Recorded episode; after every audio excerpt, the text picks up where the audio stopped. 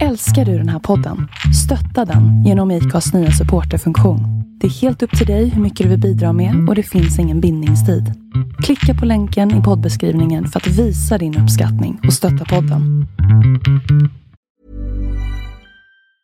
Mom deserves the best, and there's no better place to shop for Mother's Day than Whole Foods Market. They're your destination for unbeatable savings, from premium gifts to show-stopping flowers and irresistible desserts. Start by saving 33% with Prime on all body care and candles. Then get a 15-stem bunch of tulips for just $9.99 each with Prime. Round out Mom's menu with festive rosé, irresistible berry chantilly cake, and more special treats. Come celebrate Mother's Day at Whole Foods Market.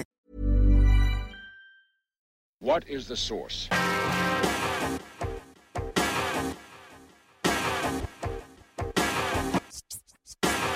One, two, three, set it!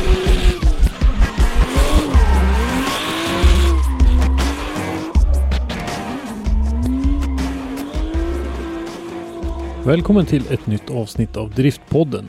Idag ska vi prata med en kille som är världskänd delvis på grund av sin helt unika bil och delvis på grund av att han är duktig på att synas i sociala medier och andra liknande sammanhang. Nämligen Mårten Stångberg.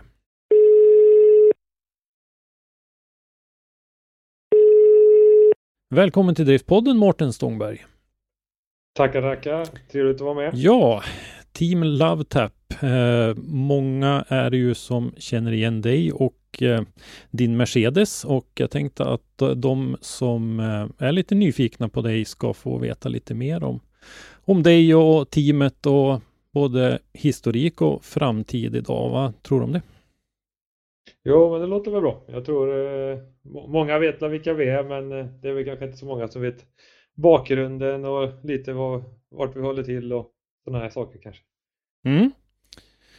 Precis. Ja, eh, en första fråga som vi brukar ha är ju lite grann hur man kom i kontakt med drifting överhuvudtaget. Eh, vad var dina första kontakter med drifting? Ja, precis. Det, det är väl ganska klassiskt för min, eh, för min del som för många andra att det, det börjar väl i skolan. Eh, man satt på rasterna och kollade lite på Youtube och snubblade väl över lite klipp på, jag tror de första klippen jag minns är någon, eh, någon 740 Turbo som var ute och lekte vid någon busshållplats där utanför Jönköping och sen började man kolla på lite ja, klipp från Japan och såg man eh, såklart The Fast and the Furious-filmerna och så vidare och så vidare. Och därifrån så rann det på. Mm. Ja, eh, när väcktes idén och, och kanske prova på själv? Ja, men det var väl där någonstans. Eh, jag tror jag var 18 år när jag köpte första bilen som hade någon sorts effekt då. Det är klart man försökte lite när man hade fyrcylindrig Merca 190 men eh, det var väl inte så mycket att hänga i granen mer när det regnade och kanske snöa. Mm. Eh, Men eh, sen så, så köpte jag mig en 190 2,6 då. Det är en rak sexa i den på 100, ja, 170 hästar eller något sånt där. Och eh, då fick man alla testa lite på blött och man satte sin första rondell och så kände man väl kanske man hade lite fallenhet för att, för att få till det och kände att det är jävligt roligt och exalterande sport och sporten var på uppgång i Sverige och ja, Ja, men man hade väl sett det första gången på gatubil lite där så väckte väl intresset att det kanske var någonting man kunde få hålla på med själv. Liksom. Mm. Vilket år var det här? Eh, vad blir det? Det blir eh, ja, men 2009 var ju första gången egentligen när jag testade sladdar då, liksom mer, eller mindre tror jag. Och sen så kanske man var på gatubil första gången 2010 skulle jag tro. Mm. Någonting sånt där. Mm. Ja, och eh, mitt, eh, eller min första kontakt och, och, och som jag kommer ihåg av det är ju en Merca 190. Är det den bilen som du köpte då? Ja, det stämmer. Mm. Det var min andra bil som jag ägde. En, eh, en mörkgrå Merca 190 som spårade ur fullständigt. Mm. Ja, och eh, vad gjorde du? Tog du in den i, garaget någon vinter då och gjorde någon, någon seriös ombyggnad där mellan eh, 9 och 10 någonstans eller? Ja, eh, jag tror, alltså jag höll ju på mycket även innan jag flyttade ner till Göteborg då. Eh, kalla, börja lite på det spåret. Jag, jag är uppväxt från början i Värsås utanför Skövde. Ja. Eh, och sen eh, bodde jag från jag var 16 till 19 hos farsan inne i Skövde istället. Han hade ju garage, lite sådana här saker så att det blev att jag, jag drog mig mer ditåt när det intresset tog fart liksom. Mm. Och eh, han har ju också motorsportintresse som är stor anledning till att jag hamnat där då. Ja. Eh, och när jag bodde i Skövde då gjorde jag ju det här lite klassiska. Jag satte dit lite lägre fjädring och lite fälgar och ja, testade mig fram och bytte bussningar och så fick man liksom den här rullande projektkänslan där man kände vilka saker som gjorde vad och så vidare.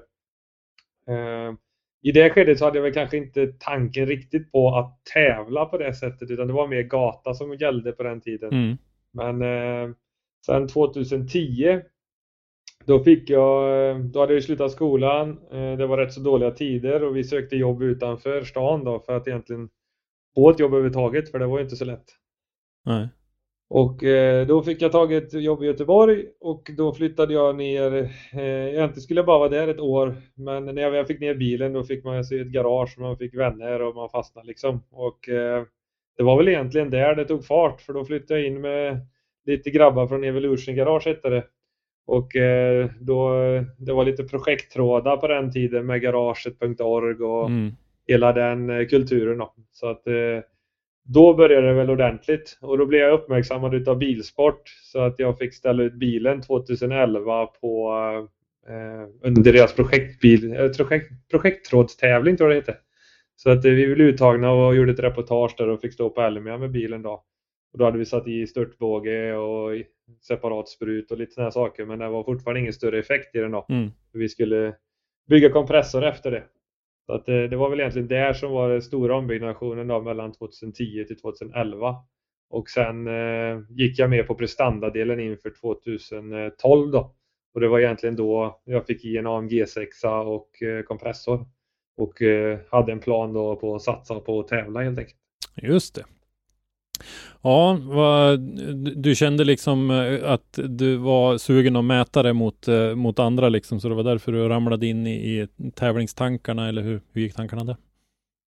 Ja, men precis. Man körde ju runt det där året då med kanske 170 hästar och körde sin första gatubil där och märkte att liksom jag kan ju sladda men jag behöver liksom mer material för att kunna eh, göra det som man vill då om man säger så. Mm. Och, jag fick ju väldigt mycket sätestid där och fick ju även jag tycker man lär sig extremt mycket av att köra en motorsvag bil då. Mm. Så att eh, ja, jag kände att eh, jag utvecklades väldigt mycket under det året och kände att om jag vill satsa så ska jag satsa nu. För att eh, ja, men göra ett försök och se om man kanske kan bygga en unik bil och ändå kunna delta i och tävla i SM då. Så att, Mm. Det var det som sporrade mig helt enkelt. Ja. Eh, att du hamnade inne på det här Mercedes-spåret, eh, är det någon eh, familjetradition att åka Mercedes eller var det bara att du tyckte att 190 var en cool bil eller hur, hur hamnade du där?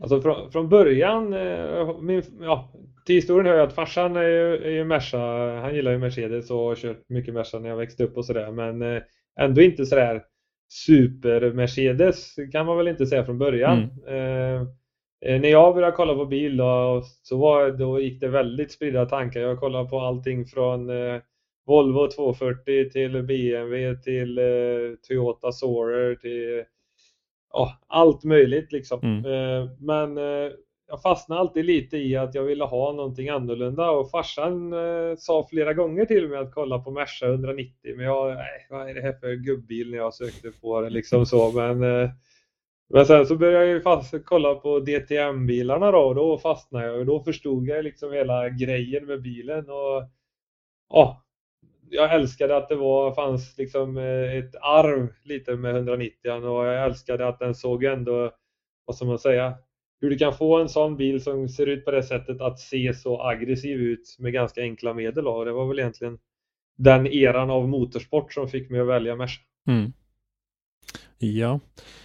Ja, eh, att välja en bil som inte så många andra håller på med, det, det är ju både en, eh, en välsignelse och en förbannelse kan jag tänka mig. Eh, du sticker ju ut och är unik så att eh, många vet ju vem du är. Eh, mycket tack vare Mercedes-åkandet. Men det är väl också lite grann att man får hitta på egna lösningar på sånt som andra kan beställa från eh, någon eh, valfri webbutik. Ja, precis. Det har ju alltid egentligen varit akilleshälen som man har jobbat emot och eh, Många gånger har jag ju tänkt över om man skulle gjort andra val och så här liksom, men jag, jag skulle säga att jag hade aldrig varit där jag är eh, hobbymässigt om det inte vore för att jag hade drivits av just den unika delen då. Det gäller ju även eh, Alltså, jag gillar ju att, skapa och bygga och göra någonting som inte alla andra har och, och den motivationen tror inte jag riktigt hade funnits eh, där om inte jag hade haft den eh, aspekten i det liksom. Mm. Eh, men eh, helt klart, det, ju, det, det, tar ju från sätestid och det kostar ibland mer pengar och ibland är det enklare och billigare för att du kan tillverka sakerna själv. Då. Mm. Eh, så det, det finns en balansgång i det såklart. Ja. Men eh, överlag så är det nog mycket dyrare. Ja, det skulle jag tro. Men eh, som sagt, det har sina fördelar också. Men eh, om vi, jag vet att det finns ju ett stort intresse och vi har några frågor sen också om den här gamla 190. Så jag tänkte att vi kan väl ta den hela vägen framåt här. Vi var framme på 2012 sa du. Då hade du petat i en eh, ny motor, en AMG.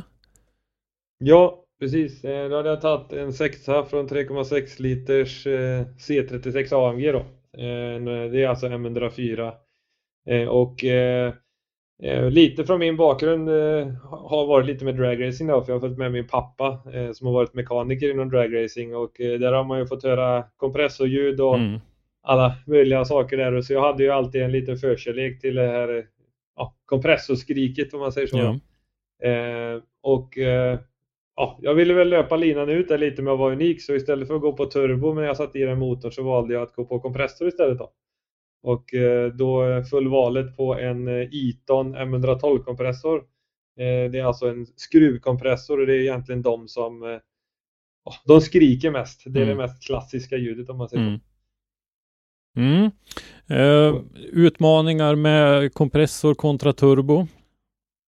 Eh, för det första Eh, värme är en jättestor problem. Eh, de utvecklar enorm värme och eh, det, tar, det är väldigt mycket mer saker som ska lira än med en turbo. Det finns mycket avancerat med turbo också, absolut, men du ska få det här helt upplinat med remmar. Du ska på något sätt lyckas kyla detta mm.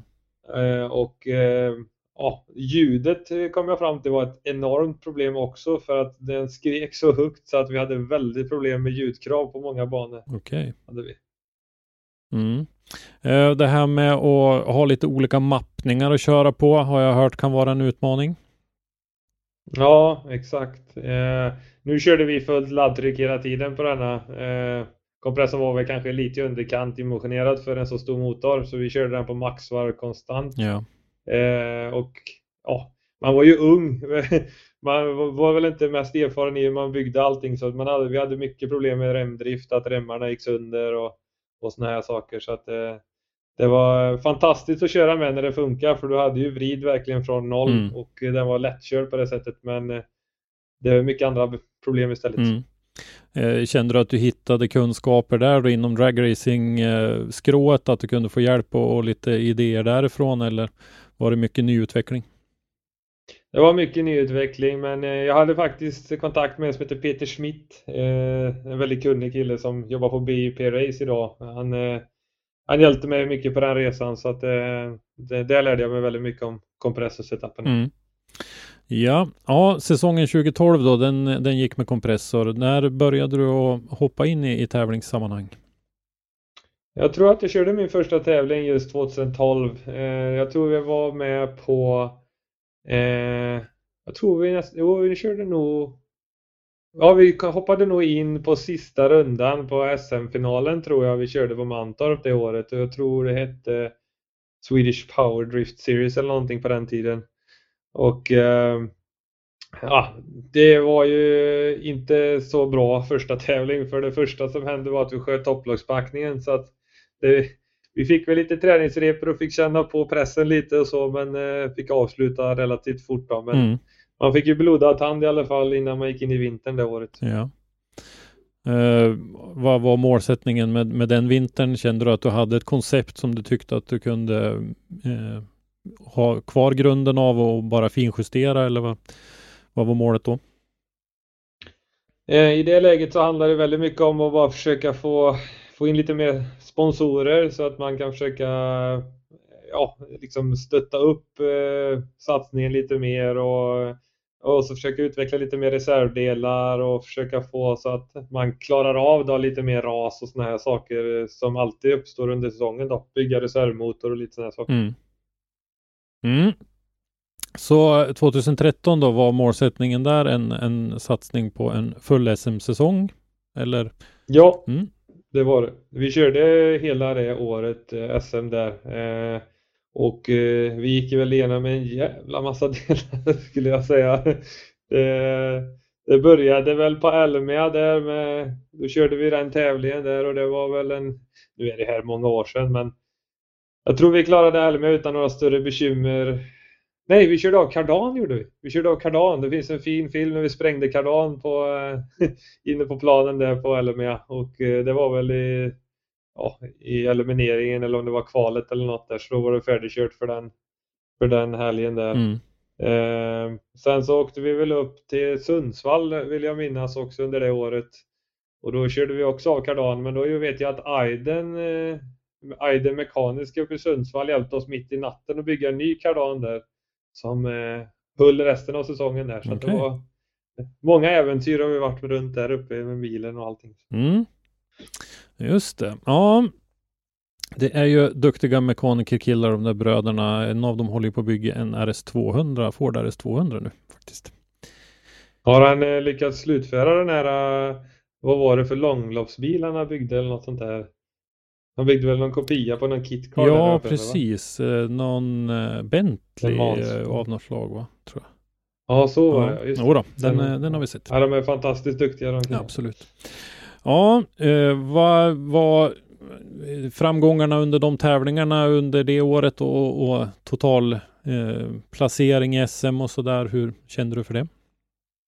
Eh, jag kommer faktiskt inte riktigt ihåg. Jag, jag, tror det, det bästa resultatet vi fick tror jag var sjätte plats i, på Gelleråsen.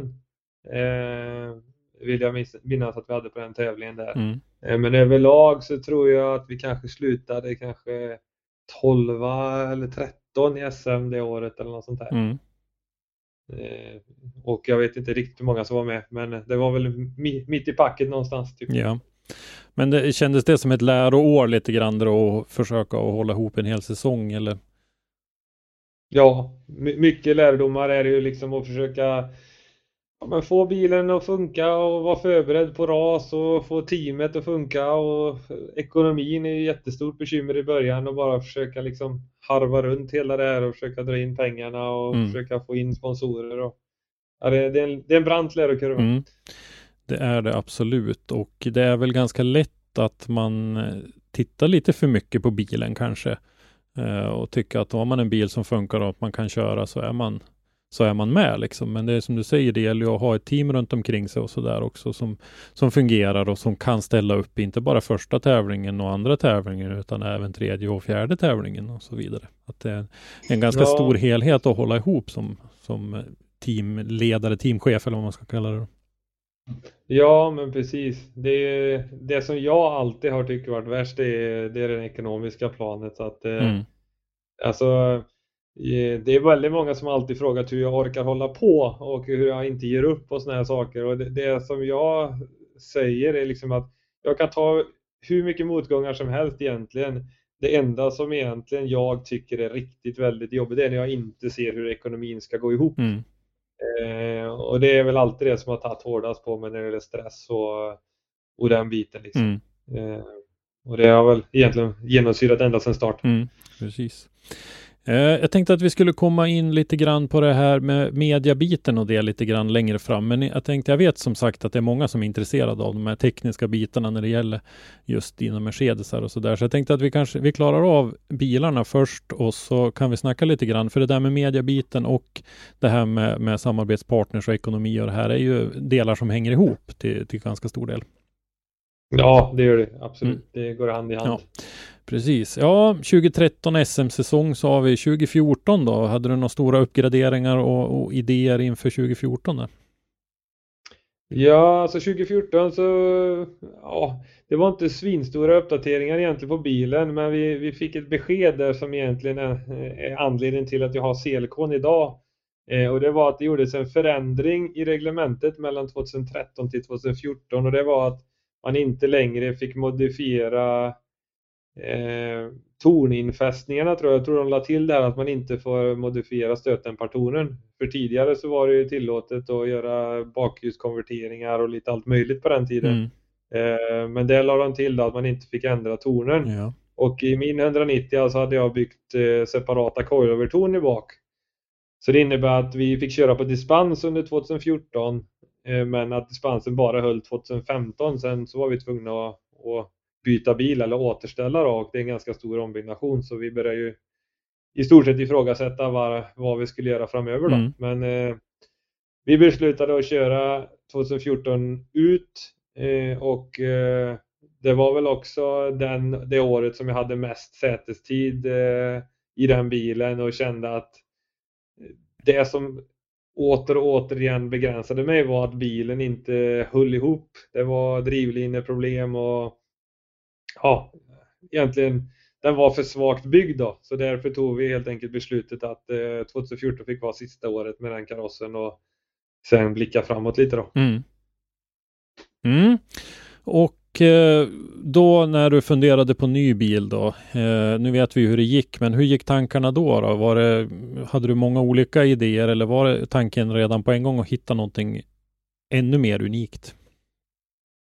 Eh, alltså, under tiden med 190 så hade jag ju fått väldigt mycket uppmärksamhet just för att vi körde Mercan och allt det här. Eh, trots detta så jag ville ju tävla. Det var ju liksom grundpelaren i det hela och att jag, jag älskar ju motorsport och vill vara en utövare av motorsport liksom.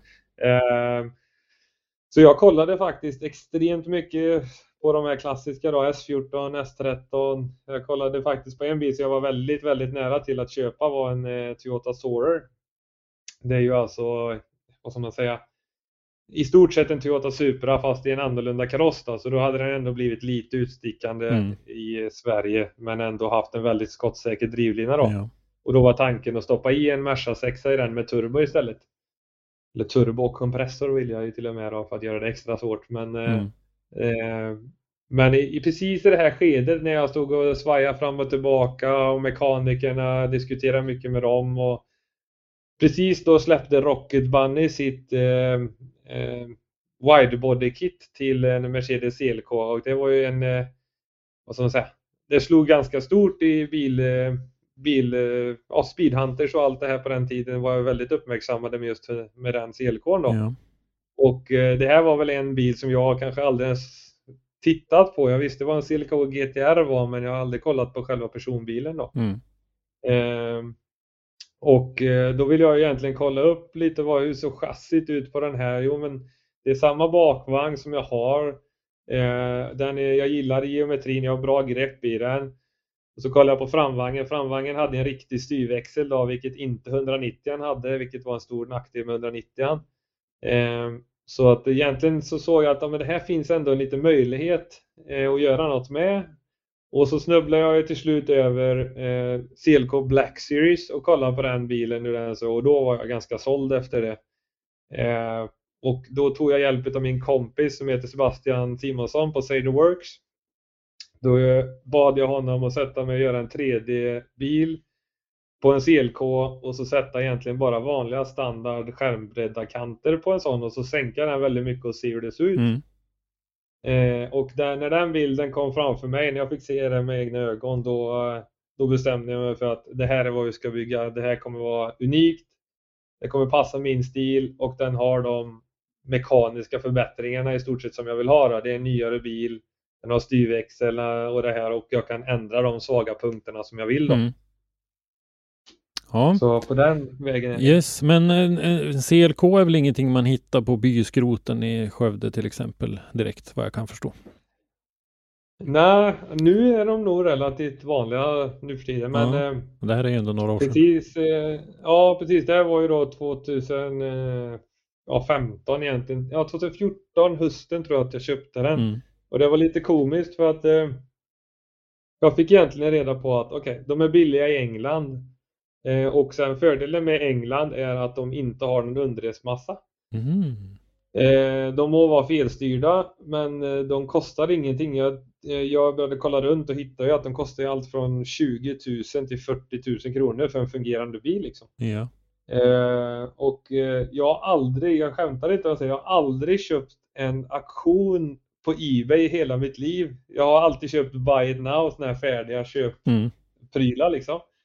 Men eh, så satt jag på en kräftskiva och då kom det upp en CLK 270 diesel för 26 000 och så var det typ 30 minuter kvar på den auktionen. Så jag la in ett bud på på då, ja fan det nu var 26 000 då eller någonting sånt här och så väntade jag då tills det var fem sekunder kvar så smackade jag in det. Mm. Och eh, så stod det att jag förlorade. Ja, ja, men jag förlorade väl då. Så här. Så. Sen fick jag ett mejl att jag hade vunnit ändå för då hade det bara laggat till hemsidan. Så att... Jaha, okej. Så en vecka senare så eh, flög vi till England, jag och kompisen, och så körde vi den hem. Så det tog 23 timmar från när vi lyfte Göteborg tills att jag var hemma i Göteborg. Ja, just Ja, men då hade du ett, eh, ett bra, den såg ut som du hade tänkt dig att vara, du kände som ett, eh, ett bra utgångsobjekt liksom. Ja, nej, men absolut. Det var ju faktiskt lite rost i skärmkanter och sånt här, men eh, absolut inget avancerat eh, och eftersom jag skulle kapa så mycket i karossen så, så passade det väldigt bra. Då. Mm. Eh, och så hade jag även kollat upp lite innan att man, man köper bara en vänsterstyrd styrväxel och så gör man ju ett nytt hål i, i torpeden egentligen då eftersom att jag ändå byter till stående pedalställ och mm. ny rattstång och allt så här så är det relativt enkelt att bygga om. Då. Ja. Mm. Eh, men målsättningen då, då vi, vi pratar här vintern 2014-15. Var målsättningen att kunna köra med den 2015 eller tänkte du att ta ett sabbatsår där för att bygga bilen i lugn och ro eller hur, hur var tanken? Målet var ju att vi skulle vara körbara under 2015 eh, för att få ett testår då. Tanken var inte att vi skulle köra en hel SM-säsong men tanken var att vi skulle köra kanske en 4-5 event och ja, men justera in bilen, hitta... Jag visste att det skulle bli väldigt mycket mer effekt än vad jag någonsin har kört och ja, men försöka landa på något sätt i uppgraderingarna då i sådana fall. Liksom. Så att det, det, var väl planen mm. egentligen. Mm. Och premiärvisaren på Elmia var tanken. Ja. Eh, själva bygget då, hur, eh, hur, är, hur jobbar du med sånt? Är du en sån som vill göra det allra mesta själv, burbygge och sådana här grejer eller eh, lägger du bort delar av det? Eh, jag, om man ska säga eh, jag är väl egentligen eh, kanske alltid den som försöker lista ut lösningarna hur vi ska göra det. Eh, sen gör jag aldrig allting själv för det, jag har varken kunskap till att göra allting själv men eh, jag försöker vara inblandad i alla processer och försöker hitta ut lösningen och sen tar jag hjälp av de personerna som jag litar på att de gör svetsningar och sånt här rätt. Då, liksom. mm. Men eh, det är egentligen tigsvetsning tiggsvetsning och aluminiumsvetsning och de bitarna som jag inte behärskar fullt ut. Så där har jag haft jättemycket hjälp av min kompis Jesper Jummisko till exempel. Han är med i teamet och han har svetsat extremt mycket på bilen. Men eh, vi hade en deal eh, under det här året då, när vi kom presentera det här bygget för sponsorerna att vi, vi hittade en som skulle hjälpa oss att göra störtbåge och väldigt mycket av de här avancerade bitarna som styrvinkelkit och sånt här då. Men eh, Eh, vi fick väl hjälp med buren men sen var det lite andra grejer däremellan som gjorde att det blev väl inte så att vi som vi hade tänkt oss. Så att eh, tiden rann iväg och vi kände att vi kommer ha väldigt svårt att hinna till Elmia. Så jag fick egentligen tillbaka karossen ja, två veckor innan Elmia tror jag fick tillbaka en tom kaross med bur då, och okay. rullande chassi. Liksom. Mm. Och eh, då låste jag in mig i garaget i 13 dagar byggde skärmbreddare, passade in kofångare, satte i stolar och allting och gjorde lackaren och gjorde den helt ja, presenterbar. Den var mm. absolut inte i perfekt skick men vi rullade in där på Elmia klockan 11 på torsdag kväll och jag hade inte sovit på typ sex dygn eller någonting. Mm. jag har haft en kollaps där. Men vi hade bilen på mässan utan motor och den var i alla fall där som ett utseende då, som jag hade lovat sponsorerna. Inte riktigt så komplett som jag hade hoppats, men eh, vi syntes på platsen i alla fall. Mm. Hur var mottagandet? Eh, det var väldigt positivt. Eh, den var inte i det skicket som jag hade önskat men eh, det var väldigt positiva respons och att fick väldigt mycket omskrivningar om bilen redan tidigt då att det här var någonting som var väldigt unikt och stack ut. För att det kan väl höra till saken att vi hade väl kanske tänkt att bilen skulle bli 10 cm bredare per sida ungefär. Men eh, på grund av hjulgeometrier och de fälgarna vi vill köra och kunna få rätt styrvinkel så fick vi bredda bilen med 18 cm per sida. Okej. Okay. Ja. så att eh, den, ja, den stack ut väldigt mycket eh, utseendemässigt mm. och blev väldigt extrem då. Så att den, eh, ja, det var väl många som gillade den men det var lite sådär Första årets version av skärmbreddare var väl lite att vissa älskade och vissa hatade. Det var inte ser jag tillbaka på det så kanske inte var det snyggaste i världen men mm. det var åt rätt håll. Mm, ja. Eh, så efter Elmia så var du laddad med lite ny energi kan jag tänka mig ändå då, efter det mottagandet och så var det eh, tillbaka till garaget igen och försöka att slutföra bygget. Precis, så att eh, och lite då eftersom att den här dealen som var satt inte gick igenom med den här samarbetspartnern där så Eh, fick jag ju ta den vägen att göra väldigt mycket själv då. Mm.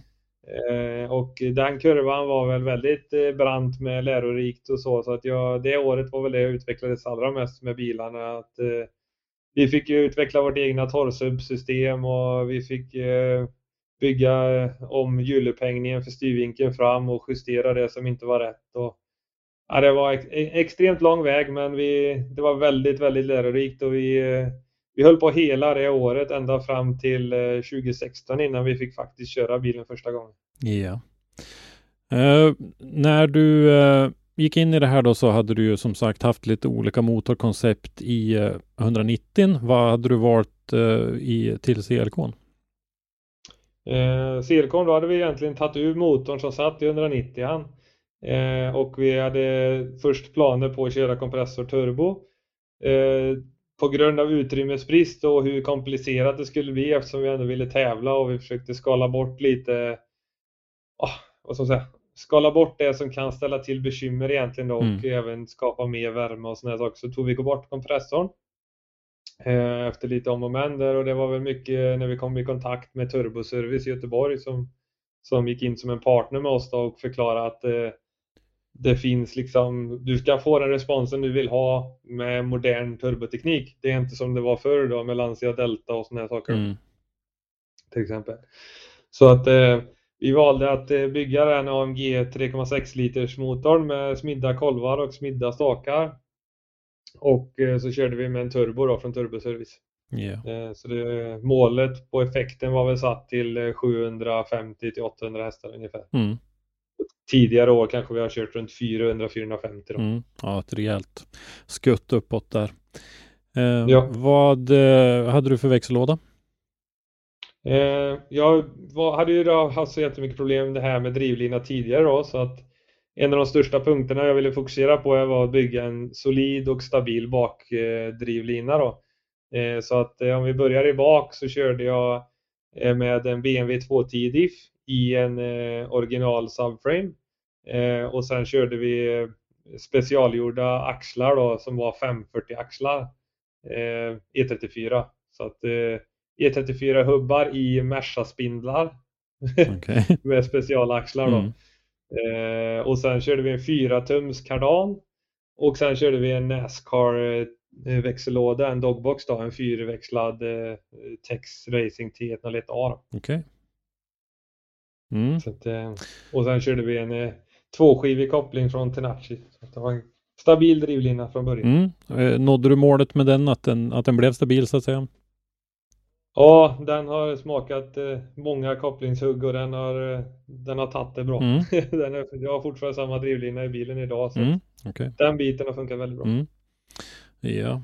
ja, det drog ut på tiden säger du. Vad, vad, skulle du, om du ser tillbaka på det nu då, nu är det fem år sedan ungefär. Vad var de största utmaningarna som ni stod inför i det där bygget? Eh, ja, eh, en, en väldigt stor fråga var ju styrvinkelkittet. Mm. Eh, det var en, eh, det är en väldigt främmande marknad för mig själv då, liksom att försöka räkna ut det här från scratch. Eh, eh, ja, många timmar att tänka och testa och, och försöka lista ut lite olika sätt där men eh, vi, vi var inte i hamn när vi testkörde i första gångerna där liksom, utan det var mer i, jag skulle säga att egentligen mot slutet av 2016 till 2017, det var då vi egentligen byggde om det på ett sätt som jag faktiskt fick det att funka på ett bra sätt. Då, liksom. mm. ehm, och sen så torrsumpen var egentligen en väldigt, väldigt tung fråga. Eh, torrsump är väldigt avancerat när man bygger det själv. Finns det färdiga kit så skulle jag rekommendera att eh, köpa det alla dagar i veckan för att eh, det är extremt många variabler och eh, som tur var hade jag ju lite stöd av Dennis Martinsson som är en gammal en gammal vän till mig då, som har varit väldigt aktiv inom motorsporten och även kört samma motorer då. Ja. Så att han har ju stöttat mig extremt mycket på den resan men äh, det, det är nog den biten som strulade allra mest på bilen. Mm. Ska du dra lite kort, vi har ju lite nya lyssnare med oss. Vad, vad är torrsumpen och varför vill man ha en sån? Eh, torrsump är egentligen då att eh, om man säger en konventionell motor eller en konventionell bil som tillverkas idag, det är att då har du en, eh, en oljebehållare under motorn som kallas för tråg. Det är egentligen bara en, eh, ett kärl där det ligger olja under, eller i då. Eh, I den så sticker du ner en oljepump som eh, egentligen suger upp olja från botten av tråget och trycker ut i motorn. Då. Och sen blir ju det som ett kretslopp så det, det ligger alltid olja i botten helt enkelt.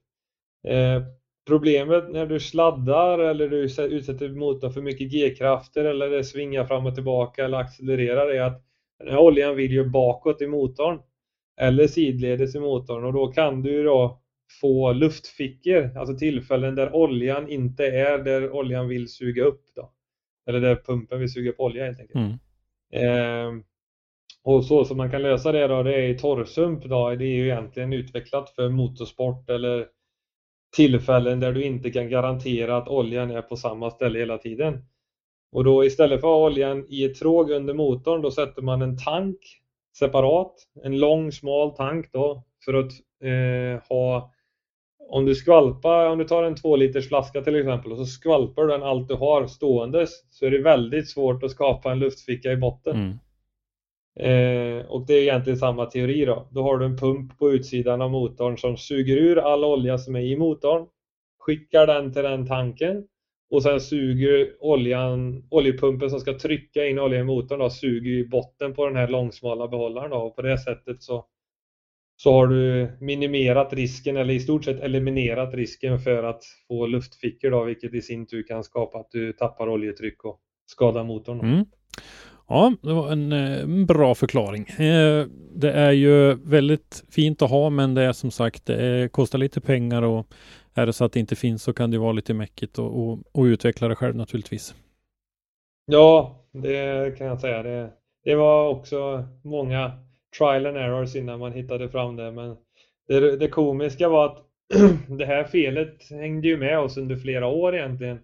Bilen funkar ju men vi kanske åt upp en uppsättning vevlager per år för att den liksom eh, ja, den liksom fick problem med att hålla laddtryck när vi kopplingshugg. Det blev liksom, han inte med då. Mm. Eh, det visade sig först när vi spräckte motorblocket från sida till sida att eh, vi hade en pytteliten spricka som gick rakt över eh, oljekanalen i bröstet på motorn. Eh, som gjorde att när effekten kom så öppnade den sig och då fick du mm. tappade oljetryck.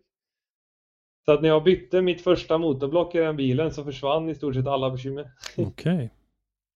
Ja, det... Och det hade du inte kunnat se utan att, Nej, precis. att den hade spruckit. Just det. Ja, så kan det gå. Eh, det här med styrvinkelkit och framvagnsgeometrier är ju jag är ju ingenjör till yrket, tycker det där är väldigt intressant och det där kan man väl tycka vid en första anblick att det kan vara ett ganska enkelt problem. Det är väl bara att göra så att man kan styra mycket, men riktigt så enkelt är det ju inte. Nej, precis. Det, mycket av anledningen till att det är svårt är också utrymme. Liksom. Du, har ju, du har ju vissa saker du inte får göra då i reglementet. Du får inte modifiera hjulhusen bakåt och här saker. Då. Eh, och det gjorde att på våran kaross just måste vi flytta fram hjulet relativt mycket för att få den här geometrin på ett korrekt sätt. Då. Mm. Eh, och eh, Eh, det var ju någonting vi fick kämpa väldigt mycket med att kunna svänga på rätt sätt och ändå känna att bilen återstyr och, mm. Och få bort caster, för vi hade extremt mycket caster då eftersom att vi har flyttat fram allting. Ja. Eh, så vi fick göra mycket förflyttningar utav infästningar eh, genom att bygga då. Du får inte flytta tornet, men du kan bygga en eh, adapter från tornet som flyttar fram stötdämparen längre fram då. Mycket sådana här saker har vi fått labba med innan vi fick till det vi har idag. Mm. Sen eh, rör den sig ju inte bara i sidled den där rackaren heller, utan den rör sig upp och ner också. Och det är väl också någonting man måste ta ganska mycket hänsyn till när man utvecklar den där biten va? Precis, du har ju dynamisk tow och allt sånt här och bump steer kallas det ju för då. Hur det är egentligen om du tänker, har du bump steer på en bil och det är till exempel när den fjädrar ihop då så, så ändrar sig ju towen på bilen då. Mm. Och det känner du ju av när du sladdar om det rör sig för mycket och såna här saker. Så att det, det är väldigt mycket geometrier att ta hänsyn till och jag kan ju säga att jag är inte fullörd i ämnet än utan det finns väldigt mycket mycket kunskap att hämta där ändå. Mm. Hur är du som person då? Är du en sån som drivs av att, att ta reda på sådana där saker? Och, eller ser du det mer som en, en, en belastning och ett hinder man måste komma förbi bara? Alltså jag, jag, jag gillar ju själva utvecklingsfasen men jag kan ju samtidigt känna att eh, när du har för mycket saker på ditt bord och det blir liksom du har väldigt många saker du försöker reda ut då kan ju det här bli ett väldigt stort stressmoment. Mm. Eh, och eh, ja, jag, jag tycker om att lösa de tekniska bitarna och felsöka och sånt här men jag kan väl också medvetet säga att eh, på grund av så mycket utvecklingssaker vi har haft på bilen så har det också blivit mycket så att man kanske har tappat mycket av den här testen tunen för när väl bilen funkar så måste du få köra liksom. Mm. Du, du, är, du vill verkligen bara ut och få tillbaka någonting för all möda liksom. Så att, eh, det är väl den eh, aspekten som jag önskar kanske att jag jobbat mer på under åren att eh, när du väl har fått igång den då, försök att lugna dig och lägg lite mer tid på att hitta finliret för det är det som gör den stora skillnaden. Då, liksom. Mm. För det är lätt att bli exalterad och ta varje kurva du kan. Liksom. Ja. Jo, men det, det kan man väl förstå också. Det är som sagt målet var att bygga bilen färdig för provkörning eh, under, under 2015, hinna få bort lite av det där och ni, ni byggde hela det året istället och, och så där. Så att det är klart att det, när, det väl, när det väl lirar då så är, är man ju sugen att köra också. Ja, men precis. Och man kände ju också det här, eller jag, jag har ju alltid förstått värdet av sätestid och eh, man känner ju det här när man, när man hamnar efter och det strular, då ser man ju lite hur man tappar avstånd till sina motståndare. Att nu är de ute och tränar och, Mm. och jag är här och skruvar. Så då blir det att man verkligen man jagar sätestiden och det kan bli en negativ effekt av det för att du, du kör kanske med hellre med en sämre setup för att få köra än att faktiskt försöka få bilen lättkörd. Mm. Det är sådana aspekter. Eh, så själva bygget presenterades eh, på Elmia 2015 då, långt ifrån klart. När gjorde du liksom eh, rejäl premiär mm, körmässigt? Eh, året efter så stod vi på Elmia igen då och då var bilen startad och vi kunde liksom, ja, den, den, gick den gick inte att köra för kardanen hade vi fått problem med, den väntade vi på. Eh, så vi kunde starta bilen men vi kunde inte köra in den då, men vi puttade in den på Elmia och eh, stod där. Eh, två veckor efter det skulle vi åka till Finland på en mässa. Det vi hade blivit inbjudna på på grund av att vi stod på Elmia. Mm. Och då hade jag fixat kardanen så vi var där och visade upp bilen och sen när vi kom hem från Finland så åkte vi till mappning då. Min första mappning och vi fick ut eh, 706, ja, 742 hjulhäst tror jag det var som var första mappningen. Så det var en lyckad mappning till slut. Mm. Eh, och efter detta så tror jag det var, jag har för mig att det är 11 maj, jag kan inte säga exakt, men det var, nej 5 maj tror jag det var, 5 maj 2016. Då var vi på ett flygfält i Skövde och vi skulle testa bilen och vi körde hela dagen och det, det funkade och allting var frid och fröjd. Men vi hade lite problem med laddtrycket och eh, eh, på sista repan för dagen när vi har felsökt varför vi inte fick upp laddtrycket vi fick bara upp 0,5 bar. Så skulle jag köra en vända med en sponsor och eh, då detonerade vi motorn genom att skicka ut staken ur, eh, ur tråget. Okej. Så att det var en, eh, det var en tung start Mm. och även det året då. Ja. Eh, och då hade vi något fantastiskt som skedde som jag fortfarande bär med mig idag. Det var att eh, alla har ju följt det här då, för jag hade ju projekttrådar och jag körde ju på sociala medier och det här biten vi ska komma in senare då. Mm. Eh, då var det en vän till mig som heter Simon Emanuelsson som startade en, eh, en insamling. Eh, för jag sa att nu är det kört liksom. Jag, jag har fått ihop det här. Mm. Det var en helsmidd motor för 70 000 som sprängdes på en dag liksom. Mm. Och det, det visade sig att den hade gått sönder för att katalysatorerna, det var krav på kattar den tiden. Eh, det var att katalysatorernas in, innanmäte hade ju lossnat och pluggat avgassystemet. Så vi hade ju Mm. mottryck uppåt skyarna då. Ja. Och det gjorde att en vevstaksbult gick av. Ja. Kunde du läsa Eh, av, det- fanns det så du kunde läsa av det i, i styrsystemet? Nej. Eller? Nej. Du såg det? Nej, det gjorde inte Mm. det. Han, och också var man ju novis som sagt, så att man visste inte om de här sakerna, hålla koll på detta eftersom jag inte kört turbo innan och Mm. det. Så att eh, det var dyra läropengar, men eh, på grund av den här insamlingen då som jag pratade om så, så fick vi, jag tror vi fick ihop eh, närmare 27 eller 30 000 kronor. Så att bara en vecka senare så var kompisarna i Stockholm uppe och hämtade en motor åt mig och så byggde vi ihop den och stod färdiga då typ två och en halv, tre veckor på, på Mantorp Park då. eh, Med bilen. Mm. Eh, Så vi startade den egentligen och drog upp den för att stå där uppe men vi hade väl ingen eh, riktig plan på att eh, köra för vi hann inte mappa men vi var uppe och ville, ville visa den då. Mm. Och det var, Och, var det eh, SM-premiär eller? Nej, utan då var det var gatubil, Gatubil. gatubil, Ja. Mantorp.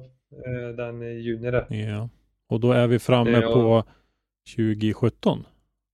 Sex, 16. 16. Mm. Så det här var två veckor efter raset Ja. då, 2016. Ja. Ja. Mm. Ja, Eh, eh, men då det blev inget kört där. Nej, inget kört Mm. där. Men eh, där träffade vi på Autogruppen för första gången som är en långtidssponsor för mig. Mm. Eh, de hjälpte mig att få bilen att gå som den skulle under den helgen och sen efter det så åkte vi och mappade hos dem. Och eh, då fick vi den mappad i tid för att åka till Rudskogen vilket var första helgen vi fick köra en hel helg utan ett enda ras. Det var bara att köra. Ja, stora gatubils eh, sommarfestival på Rudskogen. Precis. Mm. Så det var, det var en fantastisk upplevelse. Mm. Yes, eh, tävlandet då, hur, hur gick tankarna där när du hade, väl hade fått ihop bilen och som du säger fått en hel helg med körning där? Eh, ja, då, jag kommer faktiskt inte riktigt ihåg, vi avslutade 2016. Jag tror inte att vi körde några nämnvärda tävlingar. Jo, det gjorde vi. Vi körde J-Spec Drift Challenge var vi uppe på det som Granlund arrangerar du Just det, det. Karlstad. Och då, eh, då satte vi den i muren då. Mm. För då, det hör ju till det här med styrvinkelkittet jag pratade om tidigare. Det var ju att för att kompensera det här felbyggnationen som skedde från den här första killen då. Var ju att vi fick ju köra 7 eller 8 grader tow-out. Eh, alltså extrema Mm, mängder mm. tow-out för att kompensera för att en styr, om, om du tänker en styrvinkelkit, om du svänger åt vänster då vill du att vänsterhjulet ska ge mer styrvinkel än högerhjulet. Ja. Och det här var ju tvärtom då. Mhm. Och då kan du kompensera det genom att sätta extrem tow-out. Mm. Eh, inte helt korrekt men och då körde vi på en betongyta där uppe då i Karlstad och då fick vi ganska rejäl understyrning varje gång du gjorde en överläggning. Och den banan var ju som en åtta. Mm. Så när jag kastade över en överslängning där då så fick jag understyrning och fick dra i handbromsen och då gled jag av banan in med, med baken i eh, betong, eh, betongsuggen här istället. Ja. Hur var bygget eh, karossmässigt då, då? Var det bashbars och, och, och grejer sådär eller hur, hur mycket hade du kapat och, och förberett för, för sådana incidenter? Jo, det var full bärspar på bilen och så, så det tog väldigt eh, lite faktiskt på bilen ändå. Men eh, eh, vi hade fortfarande plåtbakskärmar i alla fall. Mm. Eh, de, som tur var så gick det att böja ut den här på rätt sätt, men det var, ja, det var väl en liten ögonöppnare att det behövde ske något där. Ja.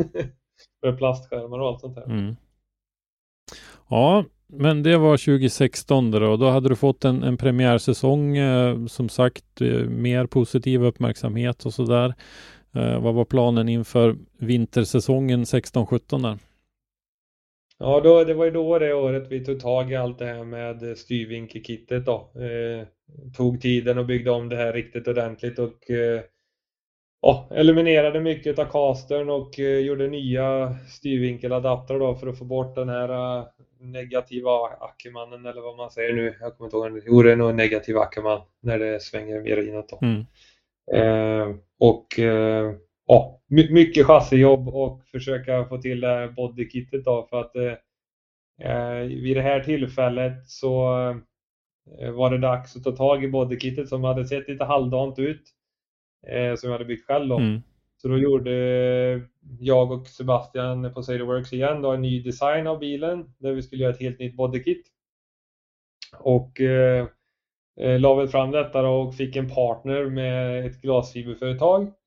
Eh, detta resulterade väl kanske inte i den finishen vi, som var avtalat så att återigen så såg inte bilen speciellt bra ut inför eh, 20, ja blir det då? Blir 2017 då. Eh, så att vi hade gjort en helt ny design men bilen såg väl kanske värre ut än vad den har gjort innan för att det var ja, inte världens bästa arbete om man säger så. Mm. Och det var väl en röd tråd som hängde med över hela det året innan vi kanske gjorde en, en ombyggnation med min kompis eh, Joakim Edin då. Han gjorde egentligen kittet till vad det är idag. Eh, så att eh, han, han räddade det väldigt mycket. Mm. Eh, och eh, sen så var det vi, vi byggde väl egentligen, vad gjorde vi mer det året? Eh, vi byggde om motorn lite, renoverade upp toppen och ja, det, för det var ju en väldigt basic setup den vi satt i då efter det raset som var. Då körde vi original kolvar och smidda stakar bara egentligen. Yeah. Så vi renoverade upp den lite extra bara för att vara lite safe där. Men det hade egentligen inte budget till att bygga en helsmidd motor igen så vi valde att fortsätta med det här receptet för året efter då, eftersom det hade funkat så bra det året. Mm. Yes, eh, men eh, då hade du fått det där att funka i alla fall. Eh, var planerna då att köra SM 2017 eller hur, hur gick tankarna där? Ja, det var ju målet helt klart. Jag, jag försöker se om jag ska kolla upp. Jag är inte helt säker på allt det här. Minnet sviker. Mm. Tiden går för fort. Jag ska se. Jag tror jag har en resultatlista på min hemsida jag får kolla upp. eh, för att eh, vi, eh, vi var med det året i SM i alla fall. Det, är jag ganska säker på. Ja, precis. Ja just det, 2017 körde vi gatubil Drift Series gjorde vi. Det var det vi satsade på 2017 och Swedish Drift Championship. Vi körde dubbla serier det året. Just det, och det var ju det året när eh, de gick ihop. När, det var ju första året Gatubil Drift Series kördes och då gick ju eh, den så att man fick ju räkna några av de deltävlingarna även i SM. Ja, just det, exakt så var det. Det stämmer. Eh, så jag har de resultaten jag har från det året var att jag kom sexa i eh, Gatubil Driftseries runda fyra på Mantorp eh, på det året och vi kom eh, fjärde plats i runda sex det året på Swedish Street Championship. Då. Mm. Och eh, sen körde vi även den här gatubil Super 3-tävlingen då, där man kör 3 och 3. Ja. Eh, då hade jag en fjärde placering där ihop med, ja vilka var det vi körde med då? Det var Black Smoke, tror jag, och Erlandsson kanske. Nej, nej, det var, nej, det var, det var ju Nyqvist, Thomas Nyqvist och eh, Christian Erlandsson körde vi med det året. Då kom vi fyra. Mm. Det var, det var en härlig upplevelse. Just det. Ja, men en fjärde plats som sjätte plats i, i Gatubil Drift Series och SM det året är väl inte fy skam.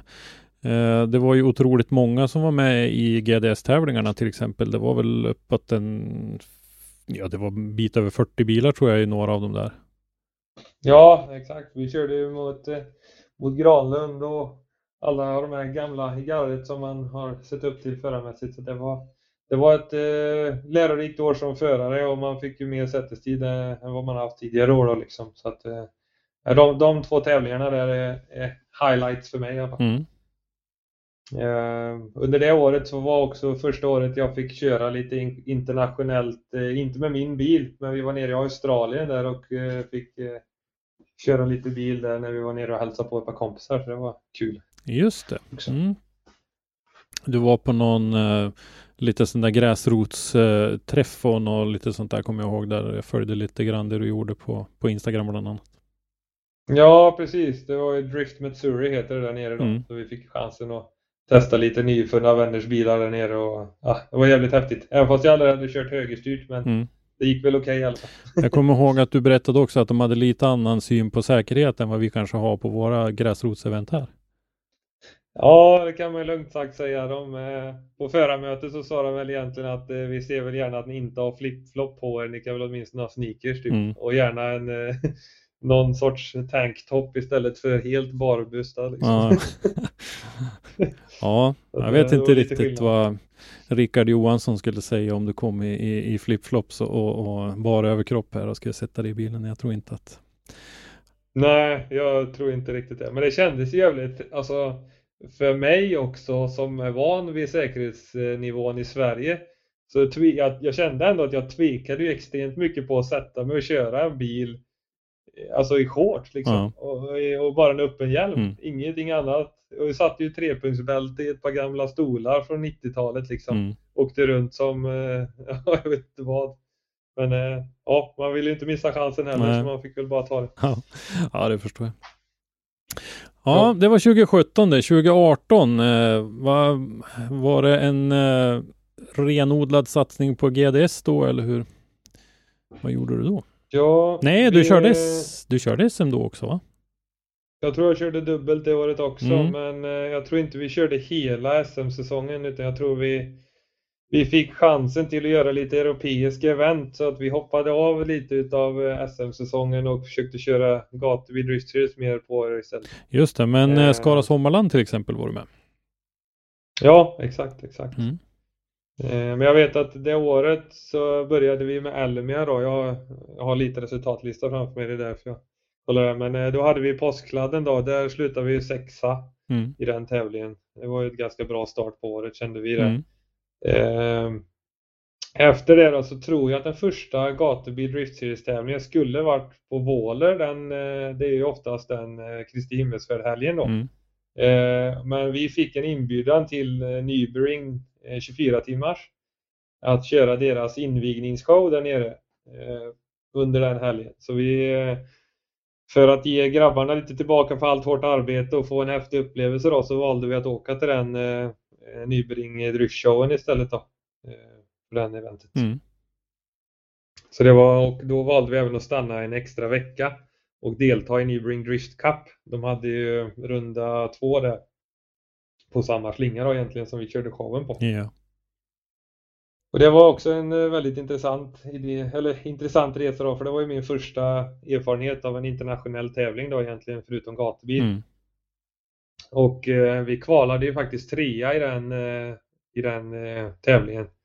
Eh, så vi var ju väldigt taggade. Vi körde ju mot förare som eh, Buzz Mule och några andra kända namn där nere. Så att det var, då var vi riktigt taggade. Men eh, då var första gången vi körde på R-däck. Och det är ju en helt annan belastning på drivlinan. Och det var egentligen eh, mitt första drivlineras skedde när jag påbörjade min topp 16-repa där på eh, Nybring. För då, eh, jag hade kört hela helgen. Jag vet inte om jag har kört 50-60 repor, ingenting har gått sönder. Och så kör jag en repa i topp 16 och då går eh, drivknuten sönder. Ja. Så att eh, då var det bara att, att packa ihop för den körningen. För vi hade aldrig rasat det innan och vi hade inte tid att byta det på fem minuter då. Så Mm. Tyvärr tog det stopp där, men det var en fantastisk resa. Mm. Det var egentligen en resa som har satt väldigt mycket standarden för vad jag vill göra i dagsläget om man säger så. Mm. Ja, ja, och eh, säsongen 2018 fortsatte. Den eh, flöt på utan några nå större haverier eller? Ja, så jag ska säga att jag kommer, jag har nog förträngt mycket ja, det. tror jag av det, men eh, jag vet att Gatubil Super 3 kom vi fyra det året igen. Eh, så vi har varit väldigt nära podium i Super 3 Mm. flertalet gånger där. Och sen var vi och körde på Anderstorp 50-årsjubileum. De hade ju sin eh, 50-årsjubileum på den banan det året. Så då var vi där och körde lite. Då fick vi chansen att köra Prinsen som passagerare. Det Ja, omtalad just det. jag. just det. Det kommer jag ihåg att jag skrev någon artikel om. Ja. Ja, Precis. precis. Eh, Jag tänkte på det här med Super 3. Jag tänkte om det är någon eh, mot förmodan som inte är bekant med den tävlingen så kan du förklara lite kort vad den går ut på? Ja, precis. Det är egentligen, eh, vad ska man säga, den enda lagtävlingen som jag vet om inom drifting då. Det är att vanligtvis i drifting så tävlar du mot att du ska köra bättre än den andra och slå ut den andra liksom. Eh, I detta läget så kör man i team då som är 3 och 3. Eh, och eh, då väljer man egentligen två förare man trivs bra ihop med och så handlar det om att lägga då på Rudskogen specifikt en, en slinga som är förbi den gamla start och målrakan. Genom den stora överläggningen där och så över Parisen och runt och ut på startrakan då. Och då här, här handlar det om att ligga synkat. Du ska lägga övergångarna synkade, du ska ligga nära varandra i, ja, i led då. Mm. Och lägga en, eh, en showrepa. Så det är en väldigt uppskattad tävling och väldigt mycket duktiga förare. Så att, eh, att komma så långt, eh, två på raken, var något vi var väldigt nöjda med. Mm, det förstår jag. Det brukar vara väldigt många anmälda lag och eh, Team Toyota har Mom deserves the best, and there's no better place to shop for Mother's Day than Whole Foods Market. They're your destination for unbeatable savings, from premium gifts to show-stopping flowers and irresistible desserts. Start by saving 33% with Prime on all body care and candles. Then get a 15-stem bunch of tulips for just $9.99 each with Prime. Round out Mom's menu with festive rosé, irresistible berry chantilly cake, and more special treats. Come celebrate Mother's Day at Whole Foods Market. Hey there, it's Michelle Norris. I'm host of a podcast called Your Mama's Kitchen. When I travel, I'm usually looking for a way to find a taste of home when I'm not at home. And one of the things I love to do when I am at home is entertain. And Airbnb allows me to do that. When I was in California recently, I rented a house that had a great kitchen. And when we were sitting around the table, we were all thinking, we're in someone else's house. Someone could be in all of our homes as well. If you have a home, but you're not always at home, you have an Airbnb. Your home might be worth more than you think. Find out how much at airbnb.com/slash host. har ju abonnerat lite grann på första platsen där med Fredrik Åsbö som eh, härförare kan man väl säga. Ja, det kan man inte säga mycket om. Han, eh, han är en fantastisk förare tillsammans med de två gubbarna där så att det, ja, de har kört jävligt bra i alla år. Mm. Yes, ja. Då har vi klarat av 2018. Eh, Ja, vi, har, vi har en sak kvar faktiskt, det kommer jag på nu. Mm. Eh, det året var ju, då kom jag fjärde plats på eh, Gatubil Series-tävlingen på Rudskogen Just det, höstrudskogen där ja. Det var en av mina bättre tävlingar. Jag kört också mot eh, Örjan Nilsen där och det var så det var så nära pallplats. Mm. Och jag, ah, det är en av de gångerna jag känner fan kunde man inte fått stolpe in istället för stolpe ut. Ja. Men det var, ja. Det är en av de sakerna i livet som man får ta. Och sen eh, under detta året så gjorde vi även ett stort projekt tillsammans med Arn Racing och det var ju något som vi hette Lavcana City Drift. Om du kommer ihåg Mm. det? När vi körde in i köpcentret där. Just det. Ett vi- övergivet eh, köpcentrum där i eh, Skara. Precis, precis. Mm. Ja, rikt- Men det kanske vi ska ta lite ihop med median mm, precis. Riktigt häftig videoklipp var det i alla fall. Eh, 2019, vad hade du för målsättningar då? Då satsade vi nog fullt ut på eh, Gatubil Drift Series eh, det året. Mm. Jag hade, vad jag vill minnas från det året så hade vi eh, jag hade nog relativt mycket bekymmer det året med bilen. Det var mycket med drivaxlar och drivknutar och sånt där som inte riktigt hängde med. Vi höll på och labbade jättemycket med olika typer av knutar. Eh, vi sköt ju alltså Ja, det året så körde vi på ännu grippigare däck än tidigare. Så jag tror alltså vi körde säkert upp en 20 knutar det året alltså. Mm. Eh, men eh, det roliga är att det, det som vi fick det till att funka till slut det var att vi körde BMW originalknutar som har gått alltså 20 000 mil. Du vet, Okej. det var det enda som funkade och anledningen till att vi kom fram till det egentligen är för att vi värmenypte våra knutar. Det blev så varmt i dem Mm. så att de expanderade och sprack. Då. Ja. Eh, och de här gamla har ju så mycket spel ja, lite glapp i dem så att det, då, då finns det när utrymme. de expanderar. Precis, Mm. så det var komiskt nog det som gjorde att det funkar för oss. Mm. Eh, Så inga jätteresultat från det året egentligen utan eh, vi hade väl en sjätteplats i Super 3 det året också. Mm. Och så lite sånt där. Så det var väl inget höjdarår resultatmässigt. Var det. Nej.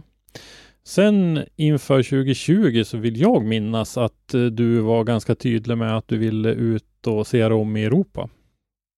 Ja, precis. Vi hade gjort en, presenterat en plan för våra sponsorer som vi kallade för New Tracks. Eh, vi ville väl synas på nya, eh, ja, nya event runt om i Europa, köra lite fristående tävlingar och försöka Ja, men sprida vårat namn då och försöka växa och försöka kanske få lite större sponsorbudget för att under samtliga år egentligen så har det alltid genomsyrats av att vi har haft eh, vi har inte haft den budgeten som krävs för att kunna träna på det sättet du vill, för att kunna hålla reservdelar på det sättet du vill.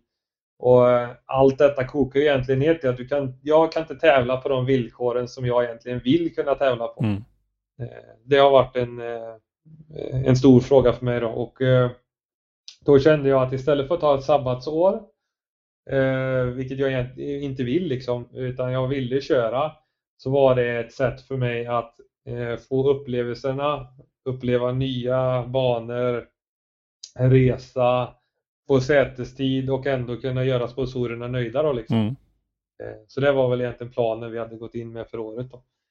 Och eh, det första eventet som var satt var att vi skulle åka till Spanien eh, i februari. Och eh, det var en riktig eh, en riktig prövotid för min karaktär, det kan jag säga utan tvekan. Mm. för att eh, Eh, vanligtvis så slutar ju våra säsonger någonstans i september, eh, oktober, lite beroende på hur sent man väljer att köra.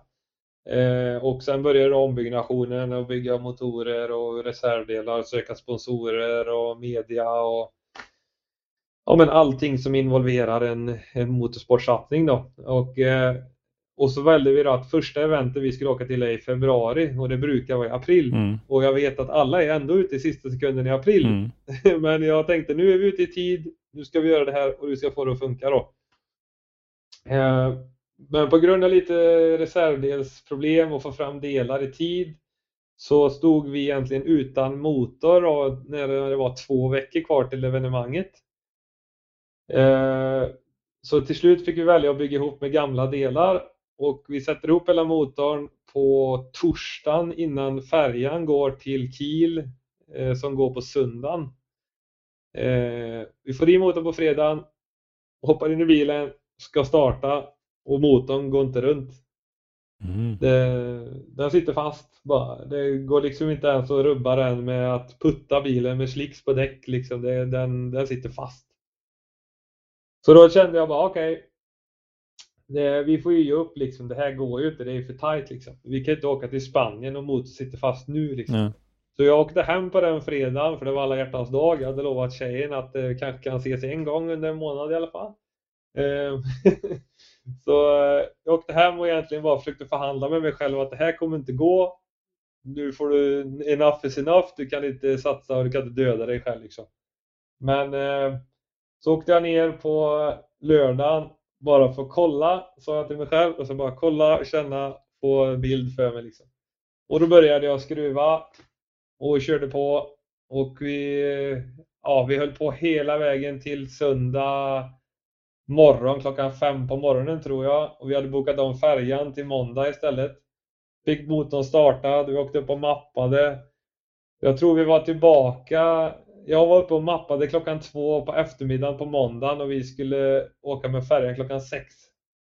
Och vi har två timmar hem. Ja. Så vi satte oss på färjan, vi kom dit eh, med två minuter till godo, sov åtta timmar och sen körde vi 36 timmar ner till Spanien. Mm. Så det var, det var egentligen, det här är alltså den typ 16 februari 2020 då. Mm. Eh, och då åkte vi ner till någonting som heter Wool Race. Och Woolrace är egentligen då det spanska gatubil kan man säga. Ja. Eh, det är ett, eh, ja, det är en festival egentligen mer än vad det är. Det är ingen tävling utan det är bara ett häftigt event, mycket publik och lite spansk touch på det då helt enkelt. Mm. Eh, Så att eh, när vi kom ner dit så fick vi först åka till Pamplona. Det är en, eh, en stad, jag tror den är känd för tjurrusningen. ja, precis. Mm. Ja. Eh, och eh, där fick vi då, eh, vi skulle ha en utställning för att promota eventet var egentligen det enda info vi fick. Eh, så vi stod ut där, ställde ut bilen och grabbarna anlände med flyg, de som kom efter och lite sådana saker och vi hade trevligt där ihop med en massa folk från gatubil faktiskt för Bullre var ju där och körde också. Mm. Så eh, sen helt plötsligt kommer det någon spanjor och säger till mig att eh, Go around the corner in five minutes, eh, sa han bara, okej. Eh, jag hade hört lite om att vi kanske skulle börna så jag hade satt på ett uppsättning däck för att börna men jag visste inte mer än så liksom. Och sen helt plötsligt kör jag runt hörnet. Då har de stängt av en rondell. Mitt i centrala Pamplona har de fått tillstånd att stänga en rondell. Och så står det liksom, jag vet inte, 5-6 tusen pers runt den här rondellen på kullar och allting och bara, och så öppnas bara folkmassan och så blir du insläppt liksom. Mm. Och så fick vi köra där och det var en fantastisk upplevelse då. Mm. Att få köra. Sen så dagen efter var det här stora eventet och vi fick kört i stort sett hela dagen. Men eh, tyvärr så avslutade vi med egentligen med sista repan där att vi sköt topplockspackning då. Men eh, det vi hade åkt ner för att göra i grundidén då, det hann vi ändå med. Så vi fick köra på det stora eventet och vi fick köra i stan där och så att eh, ah, det var en lyckad resa. Mm. Trots, trots problem. Trots problemen, ja. Eh, det var en lång resa. Jag kommer ihåg att jag följde med lite grann där också i dina sociala medier och det kändes som det var en lång resa. Men, eh, det var ju då som sagt februari 2020 och eh, vad som hände sen är ju ganska välkänt. Hela världen stängde ju ner i princip en dryg månad efter det där. Ja, ja, det roliga var att vi åkte ju hem då. Vi stannade ju en vecka och var på F1-träningen och lite sånt här. Och så vilket var den enda F1 som i stort sett skedde det året. Men, eh, innan det blev i slutet på året. Då. Mm. Men, eh, när vi åkte hem där då var det ju liksom, det var egentligen innan man liksom fattade omfattningen av Corona. Eller det var liksom väldigt färskt då. Mm. Vi satt ju egentligen i bilen på väg hem från Lyon där vi hade stannat över natt. Eh, och så ser man liksom vart du än åkte så såg du varningsskyltar på franska med Corona och du hörde massa eh, meddelanden men du fattade liksom ingenting. Mm. Så det var lite sketchy där. Vi kom ju hem då 1 mars. Eh, sen är dagen efter i stort sett stängde ju egentligen hela jävla Europa liksom. Mm. Ja, Det var var väldigt sista sekunden. Ja, precis.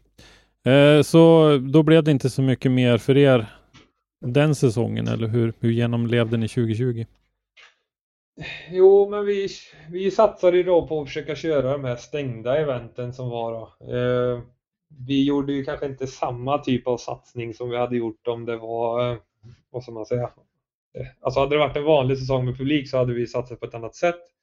Eh, men vi, eh, vi körde idag bland annat uppe i Hedemora där med Jocke Andersson och de här. Vi körde ett träningsevent där och vart var vi? Vi var, vi var väl på 51.00 också tror jag. Eh, vi var på Sturup en gång. Ja, men vi fick nog ihop en fyra, fem event under det året och tränade lite här och där och försökte fixa media och lite sånt här då för att försöka hålla igång och underhålla dem som vi följer så inte vi går in i dvala fullständigt då liksom. Mm. Ja, det är väl ingen säsong som vi kommer att eh, berätta om i några positiva ordalag för våra barn och barnbarn kanske direkt, men eh, som sagt, ni, ni genomlevde den i alla fall utan att försvinna ifrån folks radar. Ja, nej men precis. Man fick ju man fick anpassa lite vad man gjorde och satsa lite mer på projekt och ja. Man fick ju kanske en lite ofrivillig välbehövlig paus som man säger. Mm. Det, det blev ju lite som att ta det här sabbatsåret då som man kanske behövde utan att behöva ta ut det i fullo. Mm. Och alla var lite låsta tillsammans. Så att för mig så var det väl kanske inte bara negativt heller då. Alltså det fanns en möjlighet för mig att samla min ekonomi lite och, och komma ikapp Mm. på ett annat sätt. Mm. Absolut. Eh, hur gick tankarna inför 2021 då? För då var vi väl ganska övertygade om att i början av det nya året, då skulle ju det här vara borta. Ja, precis. Så att eh, jag hade väl egentligen samma fokus att presentera samma plan som jag hade för 2020. Eh, det här med att resa i Europa då. Men eh, det var väl ganska tydligt. Eh, ja, men jag vet inte hur länge, det var inte så långt innan när Bilsport ställde in Elmia igen va? Det var väl bara någon månad innan det eller vad kan det vara? Mm, ja, det var nog något sånt. Det kanske var längre, jag vet inte. Men när vi fick det beskedet och man hörde att liksom alla serier höll på sina datum och ja, man fick liksom inga man fick nästan inga bokade event för året som du kunde räkna med. Så märkte man att det här kommer nog inte reda ut sig liksom till fullo. Mm. Så att eh, året var väl egentligen fokus för oss att få sätestid igen då. Försöka köra event där vi kan eh, ja, men köra med rätt folk, rätt banor och känna att man kan få ut någonting av körningen och inte bara köra, köra utan försöka hitta lite setuper och ja, försöka reda ut bilen så mycket det går. Mm. Ja, men eh, en tävling blev det i alla fall under den gångna säsongen och det var väl ett, ett ganska stort steg framåt, inte bara för dig utan även för andra förare på västkusten eller i det området. Ja, du tänker Lidköping mm. där, precis. Ja, exakt. Eh, jag såg ju då att eh, SM, ja, det kändes ju redan från början att jag märkte att efter första tävlingen att SM har ju tagit ett stort steg framåt. Eh, det fanns media, det fanns intervjuer och det fanns liksom ja, men en helt annan aura runt hela engagemanget kring serien. Så att jag blev lite intresserad och kände att ja, men, nu börjar det släppa lite på restriktionerna, det kommer kunna finnas lite publik och sådär. Så då kände vi att ja, men vi chansar på att köra ett wildcard i år och få en, eh, få en tävling i blodet och ja, men känna lite på det igen då. Mm. Och eh, då valde vi att anmäla oss till Lidköpingstävlingen som är ny bana för året. Eh, och det är väl också den närmaste banan vi har tror jag. Eh, egentligen. Mm. Det är väl, Rutskogen är väl ungefär samma avstånd, lite mindre till Lidköping. Mm. Men så att då föll valet på att köra där helt enkelt och vi blev antagna som wildcard. Då. Ja. Jo, hur gick det? Eh, jo, men eh, man märker ju att tävlings... Eh, alltså det här med att vara inne i tävlingsserierna, det är ju lite färskvara, psyke och, och lugn och allt det här. Eh, jag kände väldigt mer lugn denna tävlingen för att jag inte hade så mycket på spel. Mm. Eh, vanligtvis när du kör en serie då så är det ju mer press. Du, ska, du måste sätta bra resultat här om du ska ta dig vidare i serien och du ska liksom känna att du ja, allt betyder liksom. Eh, och bilen får inte gå sönder för nästa deltävling och sådana här saker. Men här hade jag ju mer en... Här kan jag satsa eh, och det får gå som det går liksom. Mm. Eh, så vi, vi, jag kommer, vi började ju med första träningen och allting sånt där så kändes väl det som att det var lite halvsvårt för mig att sätta linjen där i början. Jag hade lite för mycket grepp första sektionerna gick det hyfsat men sen när man kom ut på den jättelånga böjen där så hade jag svårt att hålla ytterspår då. Bilen ville gärna driva inåt. Mm. Eh, och det är också, vi har ju gått över till att börja köra på de här Valino-däcken som ni har pratat lite om där att eh, det är ett extremt greppigt däck och eh, som ni pratade om där med Piotr Wisek då är att att köra en bil med så mycket grepp, det, det krävs en jävligt duktig och erfaren förare för att liksom hantera det fullt ut. Mm. Och det är ju en eh, av bitarna jag försökte växa in i World och försöka vänja mig vid det här greppet. Och det här var väl ett av de eh, lägena där man känner att här behöver jag liksom hitta sätt att ta bort grepp ur bilen för att kunna få linjen precis som jag vill då. Ja.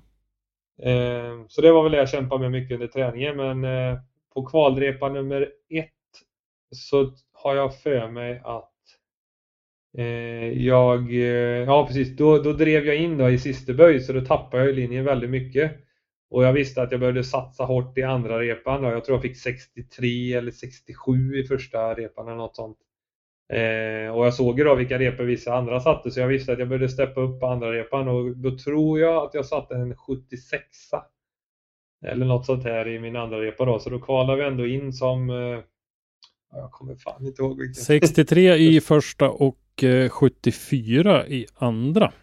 Ja, så. Ja, men ungefär. Mm. Ja, absolut. Ja, vilken kvalplats blev det i stigen sen? Uh, vart har vi dig där? 22 plats. Nej, vänta. Det, jo, det måste vara den va? Ja, det är den. Mm. Ja, precis. Nej, men då, då vet jag att då fick vi ju möta, eh, nu kommer jag inte ihåg hans namn där, men eh, han kör en vit 1-serie. Mm, Fredrik Eh, Westring från Kalix. Ja, precis, precis. Mm. Eh, och eh, vi körde väl Chase på honom, var, tror jag första repan Mm. där. Och eh, då var jag med honom ganska bra. Det, var, det hade ju kommit en riktig störtskur där i topp 32 så det var ju riktigt blött på banan men eh, det började typ torka upp så att man hade lite fläckigt då. Eh, så första repan var jag på honom ganska ordentligt i chasen. Eh, och sen bytte vi plats då för liden eh, och då gjorde jag en dålig rotation i andra ytterzon tror jag det var. Så att jag gled nästan rakt då, så jag fick en väldigt, alltså väldigt hackig övergång in i den kurvan. Så då hade jag han en stor fördel i den då och då blev det en one more time utav det. Eh, och eh, då var det, handlade det om att hålla lugnet så jag var på honom ganska bra i, i första chasen i one more timen då. Eh, jag har för mig att han gjorde någon eh, rakkörning framför mig i sista böj. Så jag hade ganska stor fördel att gå in i andra i chasen, eller leaden då istället. Mm. Och eh, så satte jag en ganska stabil lead run då, så vi gick vidare till topp 16. Eh, och i topp 16 där så upplevde jag att jag hade lite en annan ton i motorn, så jag märkte att motorn var lite skadad. Jag hade troligtvis tappat lite komp Mm. i den då. Eh, och vi skulle möta Anders Haj i denna batten. Och eh, han hade ju kört jävligt stabilt hela helgen där han var väldigt duktig på att komma djupt i zonerna och hade bra flyt genom banan. Då. Så att eh, det var ju verkligen dags att tagga till och försöka sätta det här då. Så att i, i, eh, i våran chase så är jag på honom i första överläggningen och andra överläggningen. Men när vi kommer in i den andra ytterzonen så är jag alldeles för nära honom på innersidan. Så jag får dra handbromsen med bilen rakt i stort sett. Så jag glider ju så att det blir nästan i stort en rakkörning bakom honom då. Eh, så då hade han en stor fördel där. Det var ett misstag från min sida då så att jag kom, jag låg helt fel i linje så jag var alldeles för tight på honom. Mm. Eh, och i, så då, men i min lead så körde jag en riktigt bra lead vilket gjorde att vi det tog ett lång tid att få igenom beslutet men eh, till slut så tog High det så att det var, var väl ett för stort misstag från min sida. Mm. Så vi slutade väl på någon, eh, jag vet inte riktigt vart vi hamnade i den tävlingen. 14 plats enligt mina noteringar. Ja, men det kan nog stämma. Mm. Kan stämma. Ja, eh, det var väl i princip kan man väl säga lite grann om körning och eh, bilbygge till att börja med där. Eh, men eh, som sagt så det här med media och du har pratat väldigt mycket om eh, samarbetspartners, sponsorer och, och sånt där. Och mediadelen är ju en ganska stor bit av dig. Om vi börjar lite grann med Team LoveTap. När blev ni Team LoveTap?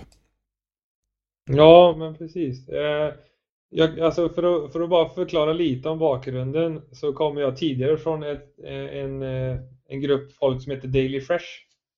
Eh, det var ju egentligen en, eh, en mediasida som finns kvar på Facebook idag. Eh, den är inte aktiv längre, men det vi gjorde då som ett, ett grabbgäng var att vi filmade event och följde gatubil och ja, täckte motorsport och stanskulturen och allt sånt här då, hade lite träffar och sånt.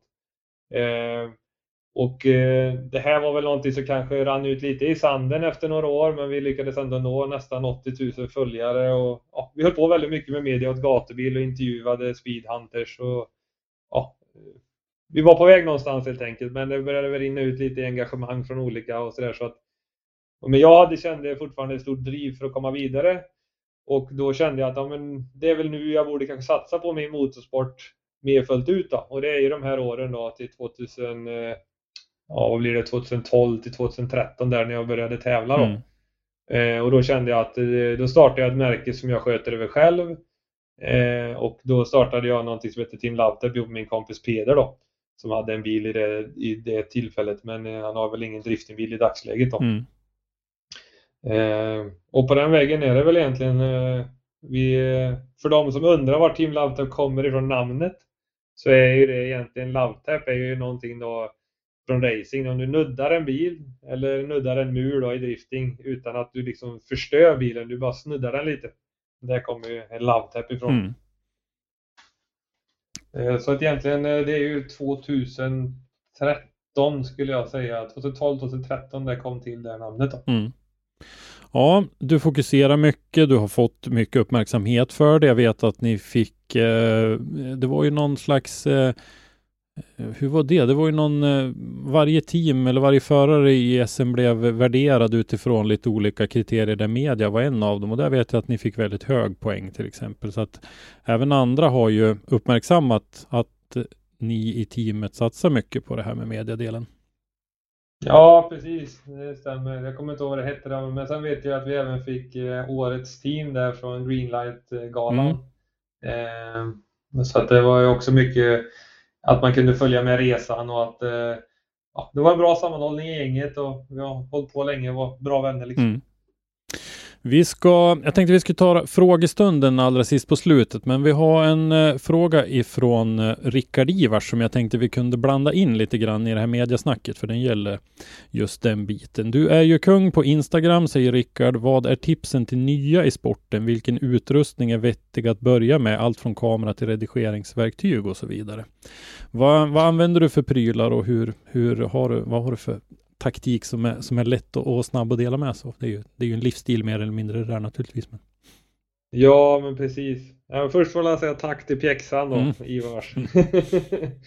men, eh, nej men eh, alltså, jag kan säga lite hur min, min filosofi är att eh, eh det, det grundas egentligen från när jag började i drifting. För att jag, jag kände i början när jag började att jag hade så mycket strul med bilen att fan, är jag, är jag så här dålig? Är, är det bara jag som har så här mycket strul? För ingen visade ju vad...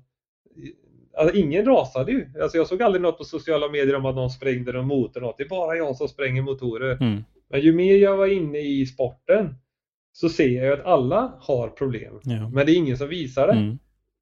Eh, och min filosofi kring detta var då att Eh, det är kanske viktigt att visa verkligheten från detta också för att folk ska inte känna att de behöver vara rädda för att ta sig in i det för att alla har problem. Eh, så egentligen ända från början och ända tills idag, jag, jag har alltid gått in för att visa verkligheten. Den är inte ja, så gröna ängar eller vad säger man, eh, utan det är en hård livsstil. Och jag visar allt. Jag visar allting som går sönder. Jag visar allt när jag gör allting för att normalisera det. Mm. Ehm, och jag tror att det är en jävligt viktig sak för att eh, de här sista året nu så har jag gjort en ganska eh, en ganska aggressiv ökning i följarskap på Instagram. Jag har gått från 20 000 till 62 000 följare på mindre än sex månader. Mm. Och eh, det är inte på grund av körningsklipp. Mm. Det har ingenting med körningsklipp att göra utan det handlar om att jag har visat när jag har skruvat och visar när jag sätter ihop saker, när jag bygger saker. Och det är det som folk har, har gillat då.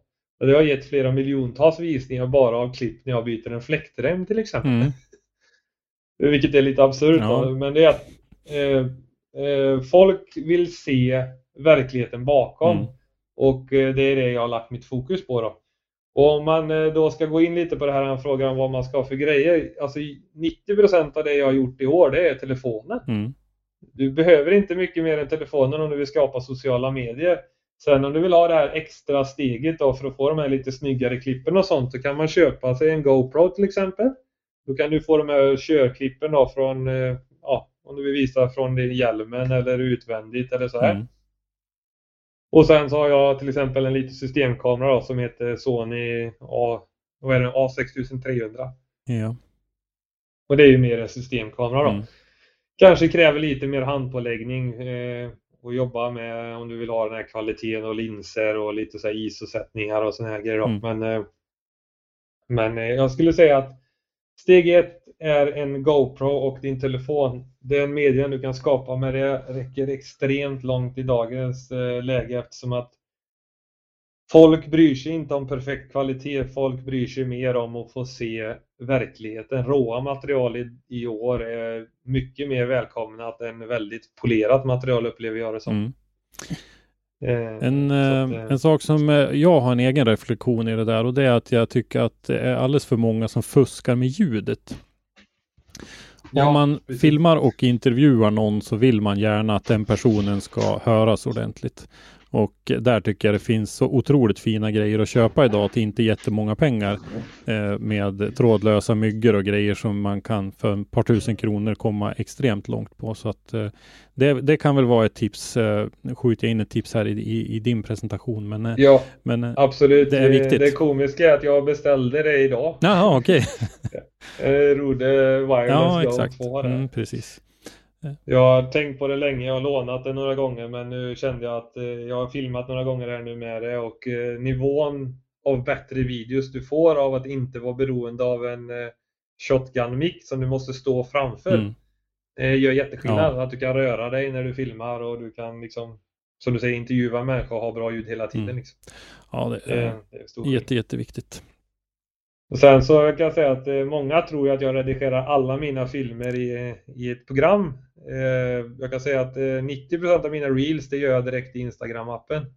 Den ska man inte förbise när det gäller reels. Det går att göra väldigt bra saker i den om man bara vet vad man gör. Mm. annars använder jag Adobe Premiere. det är väl ett ganska dyrt program om man ser till helheten men Köper du hela paketet då får du Photoshop och Indesign där du kan till exempel göra en förarpresentation och alla sådana bitar i då, så det är väldigt värdefullt i helheten. Mm. Så är det absolut och där finns det ju även en del eh, hyggligt kraftfulla gratisprogramvaror faktiskt som går att använda för att komma igång om man vill lite grann. Ja, ja men för att testa lite mm. och så ska man inte vara rädd för att jag tror det är jäkligt många som eh, gör en video men postar den inte för den är inte tillräckligt bra. Mm. Eh, om du inte postar videon så får du heller inte ut det. Det är bättre att skicka ut en halvdålig video och få responsen på den och göra en till än att inte göra något. Mm. Det, det contentet som kommer ut är bra content, det spelar ingen roll. Väldigt många lägger inte ut någonting. Mm. Så att eh, det är bättre att göra det eh, inte riktigt perfekt men få ut det. Det får man ibland lära sig själv också. Precis. Ska man ha det perfekt så kommer det aldrig att bli klart. Så är det ju många gånger. Och då som sagt så når man ju inte ut alls. Nej, eh, jag tänker lite grann på det här med samarbetspartners, sponsorer som du har pratat om. Eh, när du har kontakt med tilltänkta sådana, är det här mediabiten någonting som dels som du lanserar väldigt och är det någonting som de är medvetna om och efterfrågar? Ja, absolut. Eh, det beror ju väldigt mycket på vilken partner du har. Eh, det finns ju mindre företag till exempel som är väldigt mer Alltså, antingen så kanske de vill ha en upplevelse, de kanske sponsrar dig för att de vill ha möjligheten att få åka med, eh, bjuda med sina kunder eller bjuda med sina anställda och få en häftig upplevelse. Mm. Då, då får man anpassa paketet efter vad de vill ha liksom. Eh, Sen finns det då de företagen som jag kanske historiskt sett har jagat, eller inte historiskt sett, men ny, numera jagar är väl större företag som vill skapa, vad ska man säga, alltså marknadsföring i att bygga deras varumärke. Mm. För det är en stor skillnad mellan att göra eh, skapa ren försäljning versus att bygga varumärkesmedvetenhet. Absolut. Eh, min fokus har väl eh, aldrig varit att jag har lovat försäljning. Eh, det är något jag alltid varit ganska försiktig med att lova för att det är extremt svårt i Sverige att garantera någonting sånt. Mm. Är ett litet land och väldigt nischat. Men att göra namnet medvetet och bygga upp så att folk relaterar till det här. Ja, men när jag tänker turbo, då tänker jag på turboservice till exempel. Eh, sån typ av marknadsföring är det jag försökt att, att pinpointa genom att liksom ja, göra dem synliga helt enkelt. Mm. Och, och, och, hjälpa till då. Sen eh, har man tur ibland att skapa mer försäljning eh, vilket även gynnar mig själv då, eh, när man säljer vissa saker och sådär. Eh, för att man tror på produkterna. Och det är också en sak jag kan rekommendera från första början att gå aldrig någonsin in i ett samarbete där du inte tror på produkten. Mm. Om inte du tror på produkten så kommer det aldrig funka. Mm. Eh, och det märks när du inte tror på produkten. Mm. Så att jag, jag har hittills inte gjort det på det sättet och jag, ja, än så länge så har jag inte gjort reklam för sånt som jag inte har trott på. Mm. Sen att man kan ha ändrat uppfattning, det är en annan sak. Mm. Men eh, man har ändå haft uppfattningen och, och kört med grejerna själv eller liksom mm. vet att jag kan stå bakom detta. Mm. Ja, det är nog lätt om man är lite up and coming sådär och blir smickrad av ett erbjudande och sådär. Så att det kanske man bör ta till sig och tänka igenom en och två gånger extra. Ja, precis. Alltså, kan, om, om det handlar om vissa belopp så tänk över ibland. Vad är jag värd i tid? Mm. Är, är, det här, är de här 5000 kronorna värt det här eller hade jag hellre jobbat över eh, fyra timmar två gånger per månad och tagit de pengarna en annan väg mm, istället? Mm. Eh, ibland så kan det vara bättre att köpa grejer och inte gå in i en deal. Mm. Eh, det är väl ett tips att eh, man ska inte undervärdera sig själv. Det är väldigt många som säljer sig alldeles för billigt och det skapar en kultur som vi har idag i Sverige att eh, eh, nästan alla har tillgång till rabatt utan att egentligen ha bidragit med någonting mm. och det förstör för dem som faktiskt gör någonting. Mm. det är väl en reflektion jag har gjort under många år att när jag erbjuder ett bra paket så får inte jag någon speciell deal för det finns inga pengar. För alla har bra rabattpriser redan innan. Mm. Liksom. Finns inga marginaler kvar i sporten. Mm. Det, det, är en svår marknad. Absolut, ja det är det. Men det är viktigt. Det här är ju en av våra hjärtefrågor också här i både i podden och även för Motorsportmagasinets del att vi måste komma till en punkt när en större del av driftingen i Sverige finansieras av någon annan än förarna själva. Jo, om vi ska exakt. nå en utveckling som eh, är eh, tillräckligt snabb för att hänga med andra länder och även för att den ska bli hållbar på lite längre sikt. Så, så är våran syn på det utifrån i alla fall. Är det någonting du känner att du kan hålla med om? Ja, absolut. Det, det är så många i den här sporten som bränner ut sig och bränner snöret i båda ändar liksom. Och mm. Jag är själv en sån. Jag, I så, alla år så har jag alltid lagt allt jag äger och så är det fortfarande till stor del liksom att ja, man tar alla pengar man har och puttar in det här i sporten och, och kämpar och kör framåt och bara tågar på. Men någonstans måste man hitta balansen i vad gör jag för eh, sponsorerna och vad kan jag begära tillbaka? Jag tror väldigt många accepterar dåliga dealar mm. och för att sporten ska kunna funka i längden och att du som eh, tävlingsperson även ska kunna fokusera på det du gör så måste du ha ekonomisk stöttning. Liksom. Mm. Om du alltid jagar pengar då kan du inte producera bra resultat heller. Liksom. Så är det. Eh, vi har ju snackat lite grann om media nu. Det är ju många team nu för tiden som i alla fall har en eh, fotograf eller en videograf med sig som producerar lite content som vi säger nu för tiden. Eh, det här med mm att exponera sig för eh, samarbetspartners är ju en sak som vi brukar prata om att man kan också ta hjälp med. Hur ser du på en sån sak? Någon som är duktig att sälja lotter eller någonting som även kan, kan sälja sånt här? Hur menar du? Alltså... Ja, men att man tar hjälp av någon, eh, någon i teamet. Det behöver ju inte nödvändigtvis vara föraren själv som sitter och raggar sponsorer utan det, det kan ju vara någon ja, annan. Ja, du tänker så, mm. en tredje part liksom. Mm. Ja, nej, precis. Nej, det är någonting som, som jag inte kanske applicerat så mycket själv. Nej. Utan jag, men jag har tänkt väldigt många gånger att det kanske är lättare att använda en annan människa att sälja in mig själv än vad jag själv kan sälja in mig själv. Mm. Eh, så att det är definitivt en, en, eh, en post som jag tror fler behöver tänka över. Ja. För är man lite tillbakadragen och sådär som jag kanske själv är också då så, så har man nog en stor fördel av att kanske ta en utomstående person för att öppna upp kontakten och sen eh, komma in och bekräfta upp vad man faktiskt kan erbjuda själv. Mm. Eh, det tror jag absolut. Och sen eh, var inte rädd för att fråga. Mm. Eh, väldigt många tror jag inte ens försöker för att de inte, det finns inte en chans tänker de. Mm. Och sen helt plötsligt så hör du två månader senare med någon som har fått en deal där. Så att, eh, mm.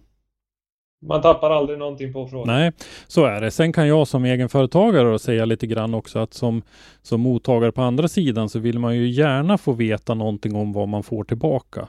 Eh, ja, vad du ska använda pengarna till kanske kommer lite i andra hand för mig. Jag måste få veta om jag får en dekal på bilen eller om, som du sa, någon medåkning för personalen eller vad är det vi snackar om? Så presentera gärna vad du erbjuder som motprestation i ett ganska tidigt läge.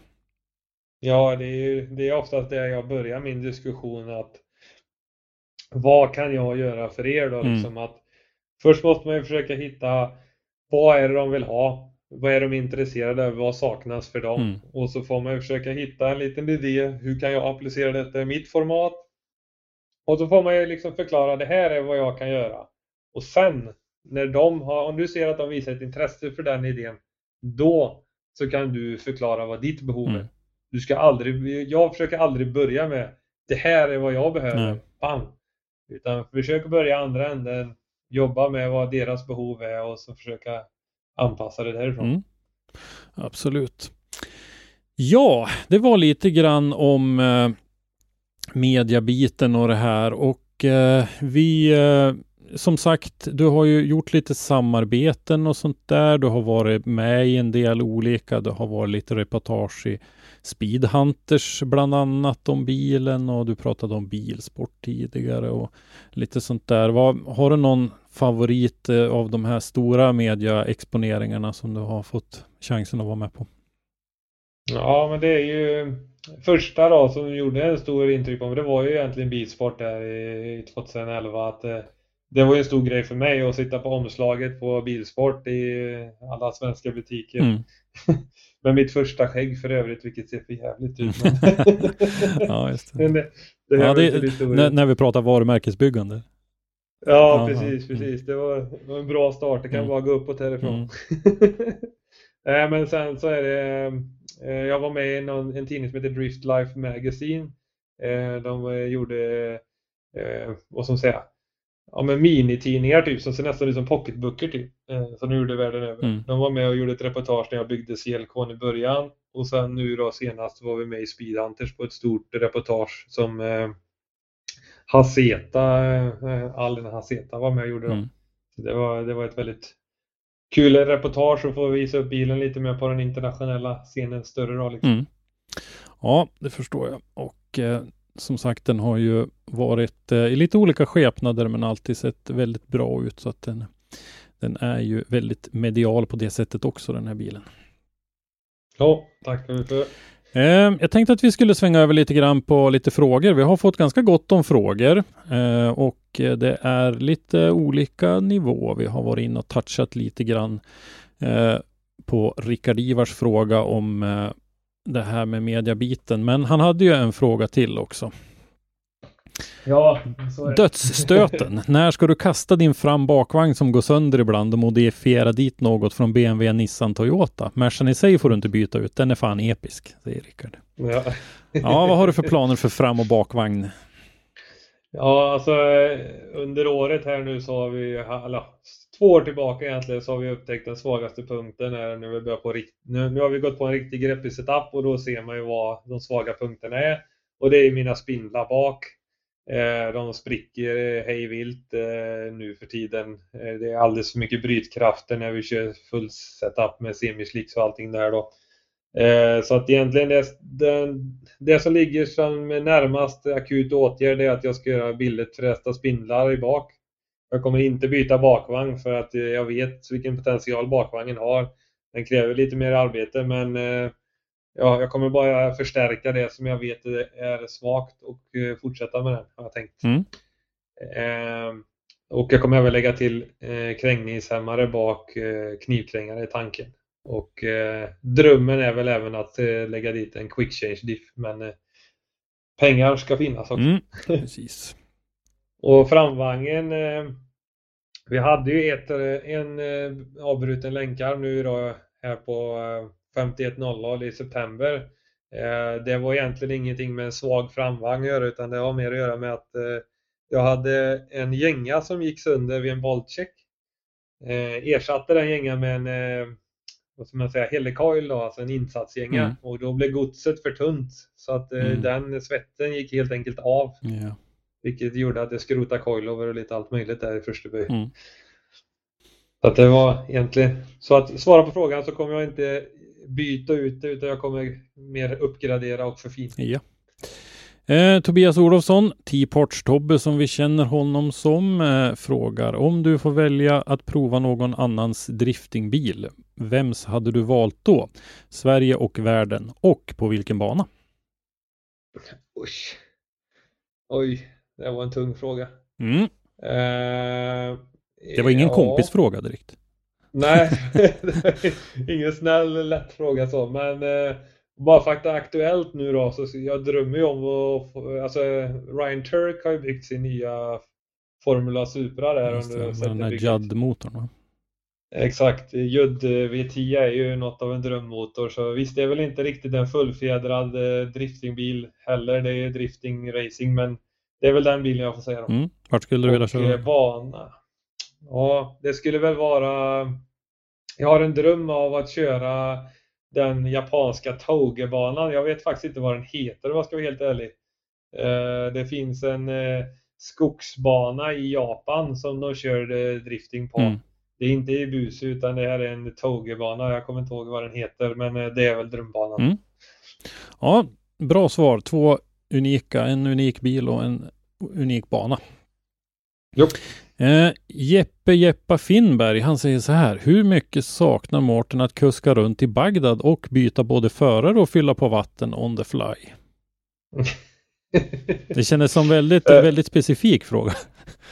Ja, precis. Eh, Bagdad då, för de som inte vet vad det är menas med, det är att eh, vi hade en eh, lastbil från 1900, eh, fan var det? 1971 eller?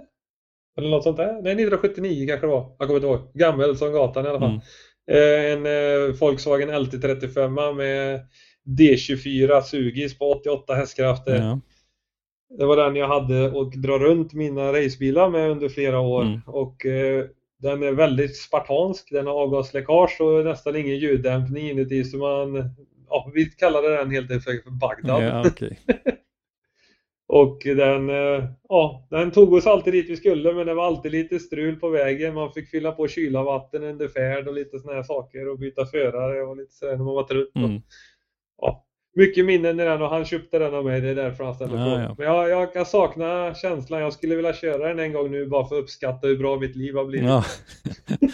ja, just det. Ja, sen dess har du åkt Mercedes Vito lite grann och sådär och har väl, eh, Ja, minns jag fel eller har du bytt upp dig? Har du inte sålt den gamla uppåt eh, Norrbotten någonstans? Va? ja Albert Häggbom har ju Just köpt det. den utav mig. Mm. Och sen så köpte jag en V-klass istället då. Så det är ju en personbilsinredd Vito istället den nya generationen. Mm. Så det är ett litet projekt jag håller på med. nu. Just det. Eh, Jeppe frågar dessutom, vad ska du göra för speciellt på din namnsdag på torsdag?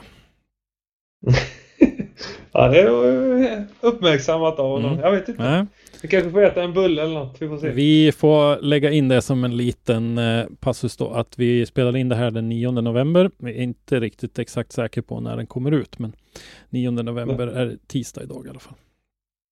Eh, Ja. Sen vill jag bara ge en fet tumme upp till din Instagram, alla sköna filmer med bra musik, avsluta Jeppe. Ja, kul att höra. Kul Eh, att höra. Jonas Thiel, berätta om gamingriggen. Hur mycket nytta har man av att träna i simulator? Och vad har du att berätta om ditt team? Vilka är det och vad har de för uppdrag? Och vi börjar med simulatorn. Ja, precis. Ehm, det här var väl en, en liten kul fråga också där, lite med sponsorer och så. Ehm, jag stod lite i valet och kvalet om jag skulle köpa mig en isbil eller om jag skulle köpa mig en simulator. Eh, Det, jag- det jag fastnade i är att en isbil, hur man än vrider och vänder på och drar soppa, den kommer gå sönder. Vi har kanske is, vad kan det vara, en vecka om året eller? Här nere? Mm. Något sånt där. Så att det, och så valde jag då mellan det och simulator. Simulator, du kan köra hur många varv som helst, bilen går aldrig sönder eh, och eh, man kan göra lite rolig media med det och man får träna med folk som du kanske inte annars har chansen till och eh, ja, det är lätt att sätta sig och köra en timme, du behöver inte åka någonstans och så vidare. Så att det var därför jag tog det. Då startade, presenterade jag en idé då för MSI Gaming och Strömberg som är en svetsfirma eh, om att göra en simulator som jag skulle ha med på event där folk fick testa drifting och eh, ja, lite, vad ska man säga, lite, en liten, eh, vad ska man säga, en upplevelse för folk som kommer till depån och inte bara ser bilen och kan få se och testa själva då liksom. Mm. Eh, Så det gjorde vi under ett år då. Eh, Och då byggde Strömbergs riggen då, så den är specialbyggd ram utav dem. Och så är det en MSI-dator och display och så sitter det en eh, Fanatec eh, klubbsportratt, pedaler, handbroms och växelspak då, med en sparkostol. Eh, så att eh, den, den är inmåttad så att man sitter precis på samma avstånd som i CLK'n eh, och sådär. Eh, och så är det lite mer, eh, ja, så kör vi Assetto Corsa i denna då där vi nu även har fått in vår egen bil som kommer att släppas i närmaste veckan är någonting som man kan köra min bil i spelet. Mm, kul. Eh, och eh, ur min synvinkel så ska jag säga att det är mycket svårare att köra i spelet än i verkligheten. Så att om du lär dig att köra på ett väldigt bra sätt i simulatorn så kan jag garantera dig att du kan köra i verkligheten. Mm. Om du kommer över den här risktröskeln då, för det är väl egentligen det som nu kommer jag ju från att ha kört först och sen börjat med simulator och det tycker jag är mycket svårare Mm. än åt andra hållet. Det är en ganska vanlig synpunkt att, att säga så för att man saknar känslan i, i röven helt enkelt. eh, Exakt. Och eh, mycket av de bitarna som de som går åt andra hållet får på köpet. Man, man, liksom, man ökar på möjligheten till intryck. Precis, Mm. du får ju mycket mer information i verkligheten Mm. och fartkänsla och allt sånt där. Men jag kan tänka mig att den stora skillnaden för en som går från simulator till verkligheten är att eh, du får helt plötsligt en konsekvens. Mm. Eh, du, eh, du, du kör mot en kurva i alldeles hög fart och det kan vara lite eh, rädsla inblandat i början och veta hur hårt du ska sparka kopplingen och hur hårt vågar du pressa bilen. Och Mm. det är väl mycket sånt som är skillnaden. Mm.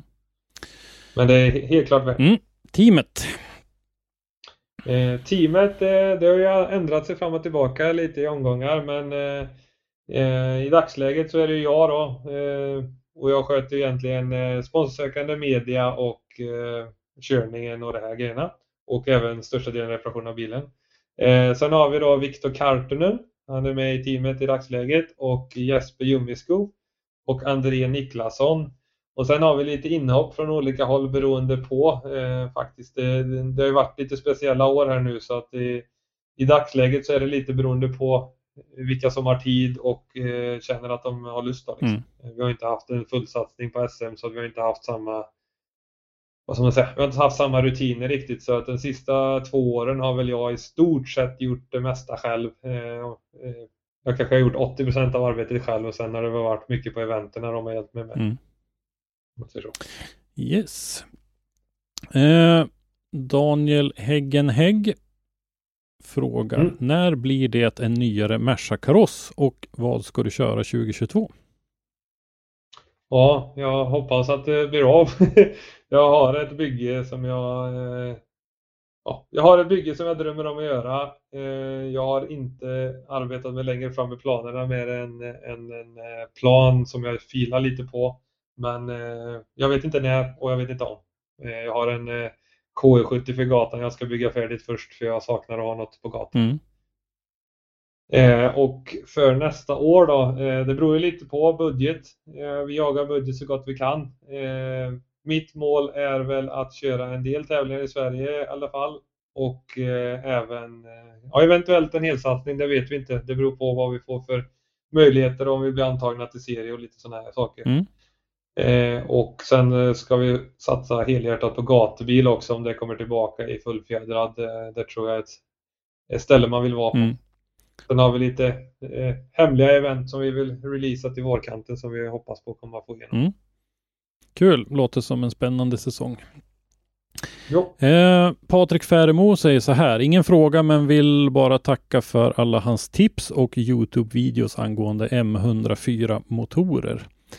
Eh, sen så kommer Patrik på en fråga ändå. By the way, om man inte åkt Mercedes-chassi, vilket märke hade han driftat då? Eh, jag hade nog kört en Toyota Soarer om jag hade om, ja, det var så nära så att jag får nog säga det. Det, det hade nog blivit det i dagsläget eh, för att få sätestid. Mm. Mm. Jimmy Gabrielsson. Vi saknar 190 med det sköna kompressorljudet. En vis man sa en gång, skjut mig om jag köper en turbo. Ska vi tolka det här som att eh, frågan består i vem, vem var den där vise mannen? Tror? Ja, jag vet inte vad han pratar om jag, jag tycker det känns som ett utpekande att det är du som har sagt det där. Ja, det kan vara Det så. kan vara så. jag har sagt mycket saker som är dumma. Ja, att, eh, okej. Ja, Men eh, ja, jag tar tillbaka mm, det. men vi kan väl hålla med om att det är ett skönt ljud från kompressorerna i alla fall. Ja, det är det. I, i, Det i, i lagom mängd då som vi pratar om. Precis, i lagom Mm. mm. Filip Börjesson säger så här. Har bilen levt upp till dina förväntningar och om du skulle bygga om den, vad hade du gjort annorlunda? Eh, alltså, ja, jag skulle säga att bilen upplever till mina förväntningar. Eh, jag tycker att bilen presterar eh, jävligt bra med tanke på att allting är jävligt egenbyggt och det har varit en lång utvecklingsväg då. Och eh, jag tror många har uppfattningen av att det har varit extremt mycket strul med min bil. Men det har nog mycket att göra med också för att jag har verkligen visat allt. Mm. Eh, och eh, jämför man med andra, ja då ser det ut som jag har tusen mycket mer strul än alla andra. Men eh, då har jag även utvecklat mycket så att eh, det, det är klart att jag har en längre väg. Men eh, absolut, jag tycker den har eh, producerat det som jag förväntat mig. Sen har det inte varit lätt alla gånger men Ja. det har gått så det har gått. Om du hade skulle bygga om den då, är det någonting sådär stort som du känner att du skulle ha gjort annorlunda? Ja, jag skulle vilja bygga en eh, värre setup på motorn, vilket är lite på gång. Eh, mer varv och eh, bättre ljud. Eh, och sen eh, eh, en eh, quick change diff Mm. skulle jag vilja få till och jag skulle vilja få bodykittet till den finishen som jag tycker bilen förtjänar för det är det som egentligen drar ner bilen i mina ögon idag. Ja. Finishen då. Mm. Kimmo Isovachus säger så här. Frågan har säkert varit uppe men har antingen förträngt eller missat det. Men var tog den grymma 190 vägen? Den eh, såldes till en, eh, en eh, kille här i Göteborg som skulle stoppa i LS-motor i den. Eh, tvi över axeln. Eh, men eh, den, eh, han började kapa upp lite där och påbörjade det. Men jag tror aldrig att det kom längre än till det. För jag tror den motorn gick till ett annat projekt. Mm. Så, så, så vitt jag vet så står den fortfarande kvar i ett garage i Göteborg. Mm. Yes. Eh, Ignas Kutavicius, han säger Vem är bäst på FPV Drone Chase Cam i drifting? Ja, det är Ignas då såklart. Säga. Det var, det var en liten fråga i med lite egen syfte där. Ja, nej, men han har gjort eh, jättemycket filmer i år för alla så att, eh, han är grym. Mm. Han är grym. Kul. Linus Id, om du inte hade kört Mercedes, vad hade du kört för bil då? Vilken motor? Det har vi ju lite svarat på då. Toyota Soarer med eh, två isär. Nej, med M104 sa du att du skulle ha. Med M104, exakt. M104. Det är den enda skillnaden. Mm, just det. Eh, Tom Olsson, när är det dags att börja tävla igen? Ja, eh, jag fick ju lite blodad tand utav, eh, utav eh, SM i Lidköping så att eh, vi kommer nog köra lite mer tävlingar nästa år än vad vi hade kanske tänkt från början. Sen vet jag inte om vi kan committa till en hel seriesatsning. Det beror lite på antagningsprocess och budget och lite sådär. Mm. Men eh, det finns helt klart intresse för fortfarande tävla. Mm. Kul. Ja, Jocke Andersson, han är ju en tidigare Mercedes-broder. Eh, Ja. Om när coronan släpper, hur ser planerna ut? Fortsätta sikta på USA-idén eller har du skiftat fokus?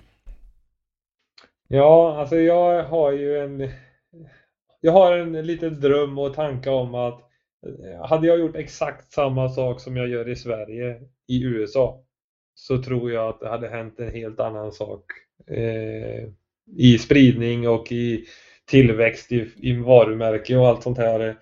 Eh, jag eh, har fortfarande en dröm om att ta mig dit. Eh, I dagsläget så satsar jag nog lite mer på Europa och bygga mer på den biten i dagsläget. Men eh, jag har fortfarande ett eh, förhoppning och mål om att komma dit. Mm. Kul! Ja, det var de frågorna vi hade fått in. Eh, stort intresse kring eh, teamet, dig och eh, bilen som sagt. Eh, och och eh, jag tycker nog att jag känner att vi har fått en, en ganska bra bild om, av, om både Mårten och, och som sagt den här unika Mercedes CLK. Är det någonting du känner att vi har hoppat över eller missat i det här? Nej, det var väl en sak som jag lite önskat att ta upp eller så här för att eh, eh, det är mest en liten grej för mig själv att jag har fått eh, jag har blivit anklagad extremt mycket i år för att jag har köpt följare. Okej. Det är något som har stört mig ganska enormt för att eh, är det någonting jag har tagit stolthet i under alla dessa åren är det att jag har hållit på med sociala medier ända sedan, eh, ja, jag vet inte, det är väl nästan tio år snart. Där jag har lagt upp i stort sett två inlägg om dagen i flera års tid. Och jag har kämpat och jag har försökt hitta kreativa sätt och allting aktiva då. Och eh, i år så har jag hittat en nisch där jag passade in och där, det- där det tog fart. och då blir man anklagad för att köpa följare, vilket jag tycker är lite komiskt. Ja, Men, ja. eh, eh, och bara, jag bara mest förklara liksom att här med när, när en video går viralt, då får man extrema mängder konstiga följare och man får bra följare. Mm. Och man vet inte riktigt, liksom, man kan inte särskilja att det här, det kommer inte in 10 000 bra följare utan det är, det är en mix. Liksom. Mm. Vissa har inget intresse av egentligen det du gör och vissa har fullt intresse. Så att det, det är mest bara ett förtydligande för min egen skull. Mm. Ja, jätteintressant har det varit. Jag tycker att eh, många borde lyssna på det här avsnittet och ta lite lärdom av eh, din syn på det här med både media och eh, eh, med eh, samarbetspartners, sponsorer och det här. Och även då som sagt det här med valet av bil kanske och tänka lite grann om att stå ut eh, kontra det här och hitta färdiga lösningar och sånt där. Att det finns en det finns ett värde i att eh, vara unik också, även i en sån här bransch. Ja, men precis. Mm. Det, det, det man ändå fullför lite med drifting och motorsport är ju den här eh, mångfalden. Att det, det kan komma en, eh, en helt random bil som du inte kan förvänta dig komma på drifting. Liksom. Så att det, jag tycker det är jävligt kul med de som vågar ta sig utanför de bekväma, lätta vägarna. Och jag förstår fullständigt varför man väljer en S14 eller en S15 eller en eh, Skyline, för det finns grejer. Mm. Eh, Jag, många tror att jag inte gillar eh, stukade bilar och sånt här eh, och, och att jag inte gillar japsar och sådär. Jag, jag gillar verkligen allt. Eh, Jag bygger själv en bil nu som är stukad eh, japansk äldre bil så att eh, jag gillar allt eh, egentligen och eh, dömer ingen efter vad de har för intresse och jag tror att mångfalden är det som gör motorsporten, drifting eh, till något speciellt. Mm. Precis, och det tycker jag vi låter vara slutord och så säger vi tack så jättemycket till dig Mårten och eh, på återseende och återhörande med all säkerhet. Stort tack för det och eh, tack till alla som följer och likar på sociala medier och alla sponsorer och partners som eh, tror på det vi gör. Mm. Och eh, en sista ord där också. Stort eh, shoutout till er grabbar för eran podd för jag tycker det är väldigt intressant och det är kul att få se lite vad alla håller på med i bakgrunden och ni gör ett jävla jobb för att hålla igång det. Så att, Mm. Grymt jobbat. Tack så mycket. Hej då! Hej då! Tack för att du har lyssnat. Lyssna gärna på våra tidigare avsnitt och glöm inte att ge oss betyg i din podcastapp. Har du ett ämne eller en gäst som du vill att vi tar med i Driftpodden så skicka oss ett meddelande på Driftpoddens eller Motorsportmagasinets sociala medier eller skicka ett mejl till oss på driftpodden gmail.com. I dagens avsnitt har du hört Mårten Stångberg, intervjuare var Christer Hägglund, ljudpåläggning och slutmix Robban Strandberg. Driftpodden produceras i samarbete med Motorsportmagasinet och Powerslide Media AB och produktionsåret var 2021.